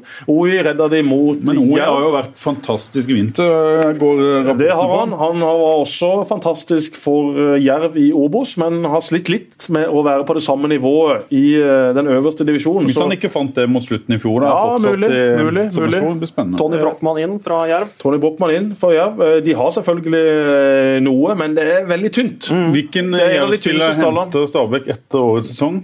Danso? Nei, da henter de eh, Tønnesen? Ja, har de penger til han, da? Ja, det er spørsmålet. De har jo satt sammen eh, et ganske morsomt forsvar, synes jeg, i Stabæk, da, med lokale gutter. De har det, Men er det godt nok? Ja, Morten Morris Bach Schønsberg har vært der i veldig mange år, men mm. da Nicolay Næss reiste til USA og Major League, så syns jeg du så at min gode venn Schønsberg hadde litt flere mangler i sitt spill enn det vi så da han hadde en veldig god makker ved siden av seg. Nå er det han som skal være lederen. Så er det unggutter er ved siden av. Nei, han er ikke det. Han spiller kanskje ikke så mye Nei, Det har jeg ikke kontroll på, men Nei. han er vel ikke den stoppertypen. Er Ja, skal vi dytte han inn i troppen også? i ja. Greit, greit. Kristiansund de setter vi på 14.-plass. Jeg tror de eh, klarer å få en kvalikplass. Et veldig fysisk robust lag som er veldig mye av det samme som i fjor. Har gode alternativer på topp. De har Bamba, de har eh, Lekai, de har eh, Mendy, og så har de henta inn Stokke. Så de har bra med options framme på banen, de har god bredde på midtbanen, og så har de noen tårn bak i forsvaret. Så er det vel sånn at hvis, hvis Molde gjør det bra og Kristiansund litt dårlig, så har de et lite sugerør inne, De har det. i de har det. Stallen til. Molde. Og de har vel også henta en estisk forsvarsspiller, Barranov eller noe sånt? Landslagskollega med Yes. Liverpool-stopper Ragnar Ja, Klavan. Yes. Og, og de har vel eh, lånt en spiller fra Molde, ung midtbanespiller. Ikke Ekpo, men eh, noe i Ekpe. Ekpe. Ja. Ekpe, Ekpe, ja, Eh, ja. Thomsen og Ekpe. Ja. har- Henta inn Henrik Gjesdal fra Tromsø i bak i forsvaret der. Ja, kan bli brukt både som stopper og back. Sogndal de er på min eh, 13. plass. Det er et lag som har mista to lederskikkelser i Hanne Patron og Rune Bolseth. Det var ikke så mye Bolseth spilte, men den erfaringa og den ledertypen han var både på banen gangen eh, de gangene han ble valgt der, og ikke minst i garderoben. De har de mista. De har erstatta det med mye spillere som har levert bra i Obos-ligaen. Chidi Envakali han har kommet inn. Han har ikke vært så god for Sogndal i vinter. Han er nok bedre som én av tre på midten enn som én av to på midten. Det blir veldig mye rom rundt han når han driver og feier av gårde på sine løp. Og Erik Bakke vil ha litt mer struktur i midtbaneleddet. Derfor blir det fort sånn at Envakali ikke får Hvor er plass på midten. Schulze i, landskapet? Eh, Schulze har heller ikke vært eh, veldig imponerende i vinter. Eh, han må nok trenge litt mer tid før han tar nivået i Eliteserien. Han har blitt brukt mye på venstre kant, Ja. For der har Sogndal hatt litt skadeproblematikk, og derfor har han blitt dytta ut dit. Så Men Schulze er ikke Schulze mye mer enn en spiller som kan spille en toer enn en Vakali? Som, eh, Jo, absolutt. absolutt. Og en Vakali kan også bli brukt eh, på kanten. jeg ville bytta om de to hvis det var Erik Bakke. Ja, eh, men det kan fort være at begge de to må starte sesongen på benken også, Ja. eller komme inn i det etter hvert. Komson på høyre kanten. Assistkongen fra i fjor. En spiller som kunne vært i Start, men Start hadde noen titusenlapper for lite før fjorårssesongen. Det var synd. På topp Martin Ramsland og Ole Amundsveen. To løpskanoner som kommer til å løpe ekstremt mange mil også denne sesongen. Der har vi Sogndal. Har vi Sogndal. De kommer til å klare seg, men det blir en tøff sesong. Ålesund har jeg på tolvteplass. Ja. En eh, klubb som eh, er avhengig av at Moss og Jesse leverer varene. De må levere mål, de må levere assist. Det er ikke så veldig mye mål og assist i det laget ellers. De har penger på bok. De jakter en spiss nå. Er visstnok ganske nære i å klare å få signert en ny eh, spiss der oppe. Berisha har de henta fra Sverige. En spiller som har hatt en meget interessant karriere. Inn og google han, så kan dere lese den historien. Spilte OL for Sverige i sommer. Har sett bra ut på trening der oppe. Ja. Men eh, det holder ikke til noe mer enn eh, 11.-12.-plass for Ålesund. Lillestrøm de kommer på 11.-plass. Skal vi snakke noe om de, eller skal vi bare Veldig mye nytt. Kjempemye nytt, i hvert fall. Jeg leste overgang, den overgangsoversikten på Lillestrøm. Veldig mye nytt. da. Ja. Han Bajete, spennende på topp. Redda nesten Bryne i fjor. Kan nok skåre noen mål i Eliteserien. han. Han så vi på La Manga. Han er sterk. Han er sterk. Eh, Lillestrøm er robuste. De kommer til å være gode til å forsvare seg, gode til å organisere seg. Litt i tvil om hvor mye de kommer til å skape fremover, og veldig i tvil om hvor gøy det kommer til å bli se på Arne Erlandsens gule og svarte helter. Viking de har jeg satt helt ned på en tiendeplass. De har jo en god elver, men ekstremt tynn stall. Og hvis de får bud på Adegbenro på Metz, ja, så blir de nesten nødt til å selge pga. deres økonomiske problemer. Og hva er det igjen da? Nei, da er det veldig lite. Vi har jo noen eh, veldig spennende unggutter i Viking, som vi så eh, på ganske mye høyere nivå enn ungguttene i Start. F.eks. Stian Michaelsen, eh, han eh, vår mann fra Lyngdal som heter Ryerson, Ryerson. ja. Og så ikke minst eh, han eh, fra, som var i Sandnes Ulf, eh, eh, Butyki, som Mm. Ja, men dette er eh, ikke spillere som Nei, men det- Viking. De, nei, de kan men- være en del av et velfungerende Men kollektiv. Det vet vi jo ikke helt før uh, serien starter. Eh, kanskje ikke de to første, men Butyki er jo en, en mann som plutselig kan få et stort gjennombrudd. Ja, men Hvor mange kamper har han spilt godt i den øverste divisjonen? Det er ikke få. Alt for få. Det er ikke mange. Mister, mister Joakim Jørgensen òg? Ja, det gjør de alt. Eh, Også så har de fått Ernemann som en meget viktig signering Ja. for Viking. Men helt, helt enig i Viking. Jeg syns ikke det var å tippe Viking eh, Nei. lavt. Nei, greit. greit. Eh, men eh, der er de iallfall satt. Og så får eh, vi da ta Tromsø på plassen over de. Ja. Tromsø er jo ikke noe sånn lag som er kjempeinteressant å snakke om, så vi går bare videre. Gamsten, da? Gamsten har plutselig sett bra ut i vinter. Kan han eh, levere igjen? Han, Ja, må han, han på ferdig. han må i hvert fall ha på Fantasy, det er viktig på det spillet. Ja, ja. Han tar jo alt av dødballer og slår jo vanvittig god dødball. Den beste dødballfoten i Eliteserien, så han kommer til å dra mye poeng på Det har vært noen rapporter fra Tromsø at han er i hvert fall på gang, så det blir spennende å se Gamst. Han har sett ferdig ut i mange år. Ja, men jeg mener jo, eh, jeg ser jo Tromsø stiller jo med Gamst og eh, Yttergård Jensen. Jeg mener jo at hvis du skal spille med Gamst sentralt, så må du ha han uh, gamle Landu Landu. Landu Landu ved siden av Gamstad. Gamle vikingspiller. So good they named him twice. Ja. Uh, FK Haugesund har jeg på plassen uh, over Tromsø. De har mista William Tråstekong, de har mista Tubic, de har uh, mista Agdestein. De har eh, fortsatt eh, et eh, bra, spennende lag. Sondre Tronstad er jo fortsatt en del av dette. Det ser ikke ut til at han er en del av de som skal være foretrukne i en startelver. Ibrahim på topp. Et annet tips til fantasy-spillere når vi først er innom det. Han har sett meget bra ut i vinter, kommer til å spille spiss. Kanskje sammen med Erik Huseklepp. Håper Huseklepp blir brukt som spiss, ikke som kant. Syns han er bedre som én av to spisser enn han er som kant. Så Haugesund litt nede fra deres meget imponerende fjerdeplass i fjor, men eh, fortsatt eh, akkurat inne på øvre halvdel. Ingen eh, store protester på Haugesund? Nei, jeg syns Jeg ikke skal det. komme med det min innvending etterpå når vi er ferdig. Ja. Den handler om Sogndal. Ok, greit. Brann de har satt på syvendeplass. Ja. Eh, jeg tror det blir en nedtur fra fjorårets sesong. Da var de ekstremt solide, ekstremt gode, hadde veldig mye flyt i veldig mange kamper.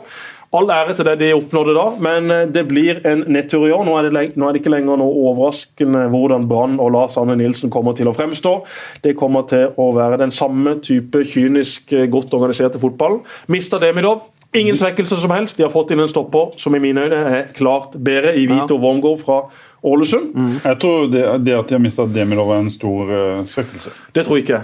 Han skumma fløten av Bismar Acosta i fjor, akkurat som jeg skumma fløten av Bismar Acosta. De eh, få kampene jeg var god i min eh, startkarriere. Så det er ekstremt lett å spille stopper Ja. ved siden av Tanks fra Costa Rica. Men du, tror du ikke Brann vil få litt mer entusiasme fra hjemmepublikummet i år? da? Det var jo det som var litt av snakkisen i fjor, at det er jo ikke nok folk som støtter Brann. Og nå fikk du det sølvet, da, skal spille mesterfinale nå på onsdag. At det kanskje Bergen liksom blir skikkelig en tolvte mann i år, da. Jo, men jeg tror det må altså, De hadde ikke forventninger. Når med en gang det laget får forventninger på seg, så går Ja, det akkurat dårlig. Nå tok de jo sølv i fjor, liksom. ikke Ja, sant? det De, det. de Men de har, toppa det ikke, de har ikke tropp til å, å få bære forventningspress. Altså, forventningspress. forventningene er liksom ikke så store ennå, men, men de er mye større enn det de var i fjor. Nå, begynner, nå begynner man jo å snakke om ja, nå skal vi spille litt mer underholdende fotball. Jeg håper bare for Branns del at ikke Lars Arne Nilsen og Robert Hauge gir etter for det presset. De må jo fortsette å spille på denne måten, med Jakob Aarlof på topp, med Bråten på kanten, som er bikkjer som løper og løper og løper, som kanskje er bedre bakover enn fremover. Men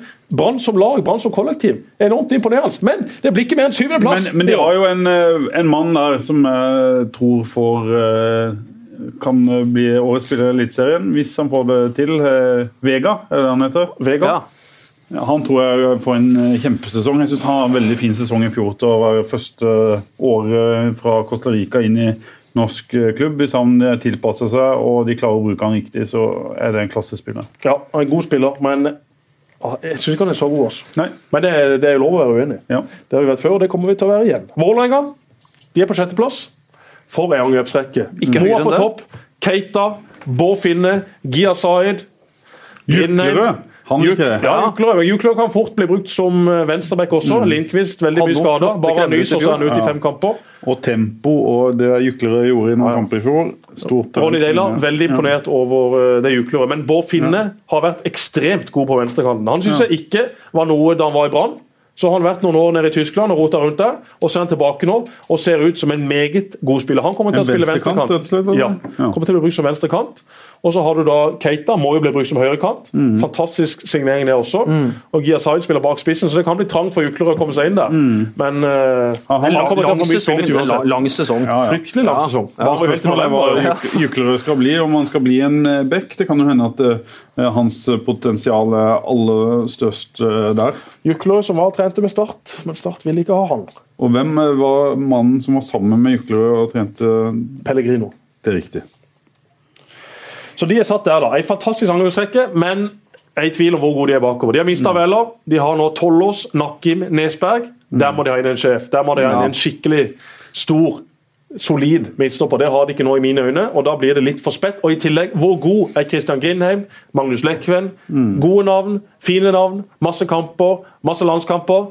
Men, Men hva er de på tenker du vei om de to unge stopperne? Nakim ser jo ut som en slags Nakim er- leder, ledertype, selv om han er veldig ung. Absolutt. Nakim ser spennende ut. Eh, Men uh, Obos-erfaring fra i fjor i Strømmen. veldig god i Obos og imponert veldig i vinter. og Var god i de kampene han har hatt for Vålerenga. Så en spennende midtstopper som i tillegg kan behandle ball. Men eh, jeg tror at Vålerenga blir litt for svake bakover Men til å handle du tror de opp de aller beste lagene.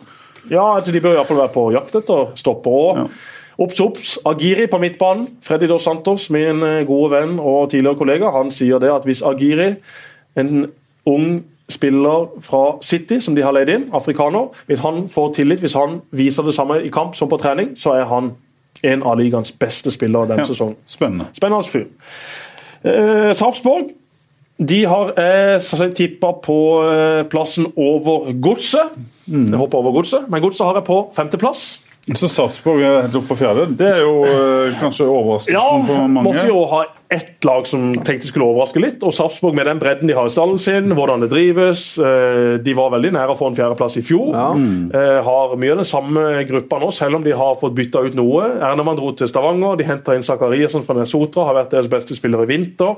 En eh, midtbanespiller med enorm radius, enorm intensitet. Kommer til å ta Eliteserien med storm. Og så har de stort sett mye av de samme folkene, selv om de har bytta ut litt. Så er det et av Eliteseriens største talenter, i hvert fall i, i min bok. Er jo sånn som sitter og ser litt på aldersbestemte landskamper når jeg har tid. Jeg har sett noen kamper med Sarpsborg i år og Jørgen Strand Larsen, Mm. som er en 17 år gammel spiss eh, på Sarpsborg, han blir eh, en eh, klassespiss, tror jeg. Og kommer til å få spilletid i årets sesong.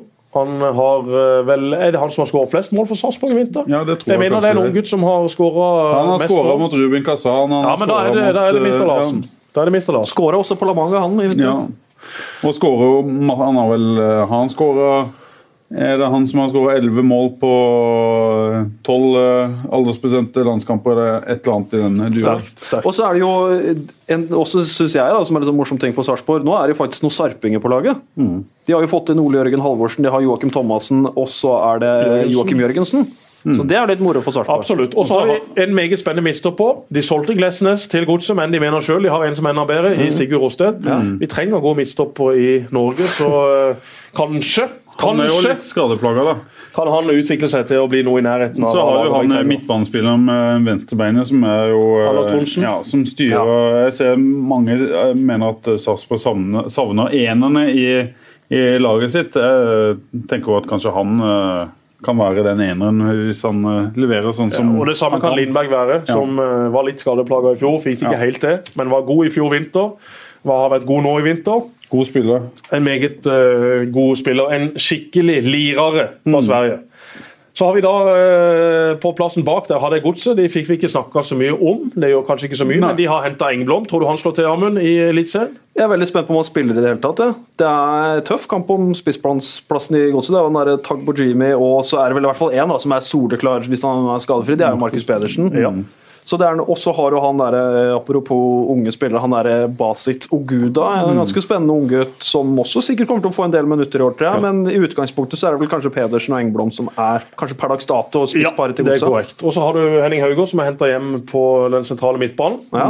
Spennende å se hva slags nivå han har inne. Han, Men eh, ja, øh, mista Abu og gått- Boateng? Har det gått med hus forbi at Strømskog har lagt om uh, formasjonen? eller? 4-4-2. Ja. 4-4-2. Så de kommer til å spille en helt annen type fotball enn det vi har sett fra Godset Ikke funker for de, så blir det fort ramaskrik vel om at en må tilbake til det de har Det eh, kan fort være det. Men Tor Ole Skulderud er ganske sta, han også. Så Ja. eh, det skal litt Det skal en del drammensere til for å eh, omvende han. Ja, det er lurt, da. Å bytte Det er ikke hele Strømskog som har vært gjennomsyra en sånn 4-3-3-greie de siste åra? Jo, det har det. det, har det. Men uh, Tor Ole har jo eh, vist han eh, i sin karriere at han kan eh, spille 4-4-2. Han kan også spille 4-2-3-1, så det er nok ikke noe sånn at han er bastant på at han skal spille det. Men nå har han såpass mange gode spisser som Amund var innom, at kanskje det kan være greit å bruke to spisser. Ja. Ja. Og så da er vi oppe på uh, bronse. Der har jeg satt eh, Molde. Skuffa veldig i fjor, har skuffa nå i to sesonger. Eh, har eh, Bjørn Bergman Sigurdasson, som har vært god i vinter, har eh, sett ut eh, som han har nærma seg sitt beste nivå. og Kommer han i gang, så er det få andre spisser i ligaen, kanskje bare én, som eh, er verre å møte. Så eh, Der kan de få i gang en skikkelig klassespiss. Og så har det en til Karlsson, som også er fra Island. Som minner litt om Robin van Persie, sies det. Så har du et eh, Jeg snakka med han på fotballrådet her i fjor, når vi vurderte eh, Eliteserien. Thomas Amang, hans eh, spissen som i juniorcupfinalen i fjor var jo helt enorm i forhold til alle andre spillere på banen. Han ble vel til slutt sparka ut av banen fordi han har disse Nesberg og Nakim og, og eh, gjengen på juniorlaget til Vålerenga. Ja.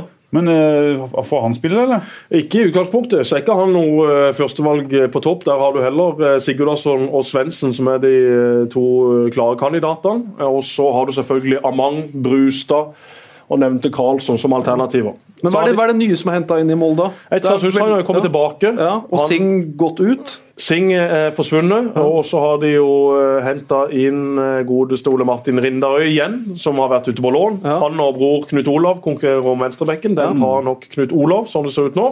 Så har de Remmer på høyrebekken, og så har de Gregersen, Gabrielsen og Toivio som midtstoppalternativer. Så har du Linde, som blir deres nye førstekeeper etter at Håvard har reist. Så Molde har eh, et lag som har masse løpskraft på midtbanen. De har fått tilbake Etzar Susain, som har vært enormt god siden han kom. De trenger en spiller som han der. Og så har de kanskje en Sigurdarsson i toppslag. Det gjør at det, blir medalje for Molde. han er tippa som toppskårer, for ikke Ja. Det går ikke an å tippe på Benten. Selv om han er det åpenbare valget, så Ja. tror jeg han kan få konkurranse. Men da må Sigurdarsson være frisk. Det er vel det det handler om for Ja. ham. Nummer to, det er Odd. Og nummer én da, det er jo da Rosenborg. Ja. Det Sånn er jo Der har jeg fasiten. Ja, og er 100 sikker på at eh, nummer én er Rosenborg. Ja. Det er Ja. ikke noe snakk om Nei. i det hele tatt. Nei, Det er ingen lag som er i nærheten av de. Det er ingen lag som kommer til å klare å eh, ta igjen det forspranget. Det kan godt være at det blir eh, færre poeng mellom, mellom lagene, men at eh, Rosenborg skal rote det til å ikke vinne Eliteserien med det mannskapet de har nå. Ja. Niklas Bentner. Wow, for ei kul signering! Ja. Så har vi en nyhet her. Vi må litt tilbake til Obos-ligaen. Jervsdalen er nå komplett. De har signert en ny spiller. Babajide David Akintola fra FC Midtjylland. Er det en spiller du har hørt om? Nei, altså, det er ikke en spiller jeg har hørt om. Jeg må bare beklage det. offensiv spiller med veldig gode ferdigheter og en ekstrem fysikk og hurtighet, sier Oi, oi, oi. Arne spiss, sin. Må Jerv opp på andreplass? Må Jerv opp på andreplass? Ja, jeg spør bare. med signeringen av Babaide David Akintola, så er troppen komplett. Nei, vi holder hjertet til det. Vi gjør det, vi gjør det. Men Odd, eh, for å ta det kjapt. Samme laget som i fjor, stort sett. Kontinuitet. Har eh, har jo ikke gjort de store endringene, og det er kanskje en styrke. Får vi endelig se Rafik Seknini mer stabil på sitt beste nivå. Han har ikke i mine øyne enda slått for fullt gjennom i Eliteserien, fordi at han blir for ustabil. Det blir for sjelden. Ja, Ja, skulle, skulle nesten tro det at Ron Astrup var fysio der borte, så mye lyskeskader han har Og Rosenborg på topp. Ja. Odd, Niklas Bentner, Vegard Eggen Helstad, Birger Medlin, sønn av Brynjar, på venstre bekk. Meget god forsvarer.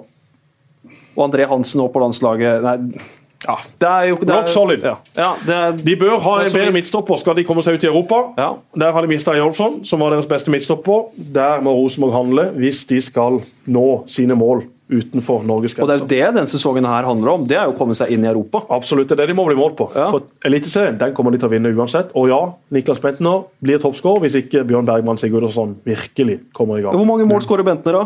Jeg tenker Bentner skårer uansett tilstand, skårer han 15 mål. Ja, så lenge han er frisk og spiller kamper, så, så, så skårer han Det er minimumsantallet. eh, Han skårer over 20 mål hvis han er frisk. Det gjør han. Ja. Ja, jeg er ikke Jeg har jo en bror som er Nottingham Forest 5 på sin hals, og som har sett eh, stort sett samtlige Nottingham Forest-kamper i år. Og Bentner har jo ikke vært i nærheten av Men han kommer ikke til. Rosenborg for å ikke restarte sin karriere. Han, skulle han hatt penger, så hadde han dratt til uh, Asia. Skulle Ja. han hatt damer, så hadde han dratt til Amsterdam. Ja. Til Trondheim så er det ingenting. Nei, Altså, det der er det en fotballbane, er der er det en fotballklubb, og det er det han trenger nå. Ja. Han er kommet dit nå for å komme seg tilbake på landslaget for å spille en halv, en eller halvannen god sesong, og så reise ut igjen til en mye større klubb. Og kommer til å bli fora med baller hele tida. så er han jo- og så er han jo- Ron Astrup hadde jo skåra 15 mål for Rosenborg! De skaper jo så sinnssykt med sjanser. Om du har to ødelagte hofter, så skårer du tosifra for Rosenborg. Det er umulig å ikke skåre mål på Lerkendal. Det jo med innlegg fra bekker, kanter, indreløpere. Alt! Det er bare å ligge der inne og styre det i kassa. Og så har han jo egenskapen til å spille 4-3-3. Han er vel en, eh, Se hva han har gjort på Danmark. eh, Så lenge de spilte 4-3-3. Det er jo der han har gjort sine beste kamper de siste fire-fem åra. Husker hvordan han senka Han ble født 04.33 i Danmark. Ja. Han kommer til å hamre inn mål. Ja, han husker hvordan han senka Norge for det er ikke så lenge siden. Nei, det er ikke det. Tre Det er år ikke siden det. med to Nei, mål i, i parken. Yes. Verdens lengste fotballradiosending. Ja. Gratulerer med det. hjem og, sove. Blitt mørkt ute, og klokka passert Og Lutnes, du skal kommentere følgende kamp på Sandnes Elverum. Begynner klokka? Det begynner klokka seks nå på søndag. Og neste helg etter, første hjemmekampen til Jerv, Jerv-Ranheim. Da tar du på uh, Lutnes sin kamp på iPaden, og så setter du selvfølgelig på TV2. Se bra, så du kan se Fotballekstra i ny forkledning med det beste panelet og de beste bildene fra hele verden. Så skal jeg drive litt egenreklame for Ja, Fedrelandsvennen. nå. Eh, nå kommer det rett og slett et eget abonnement på Fedrelandsvennen som heter Fotballpakka. Du kan kjøpe et eget abonnement, litt billigere enn vanlig abonnement, der du får kun eh, tilgang til alt fotballstoffet vi produserer. Spennende. Ja. Jeg skal abonnere. Ja, Jeg skal abonnere. Mye bra stoff. du? Så klart. Ja. Takk for i dag. Takk for i dag. God natt. Heia Norge. Programmet presenteres av Dues Sportsreiser, spesialisten innen sportsreiser.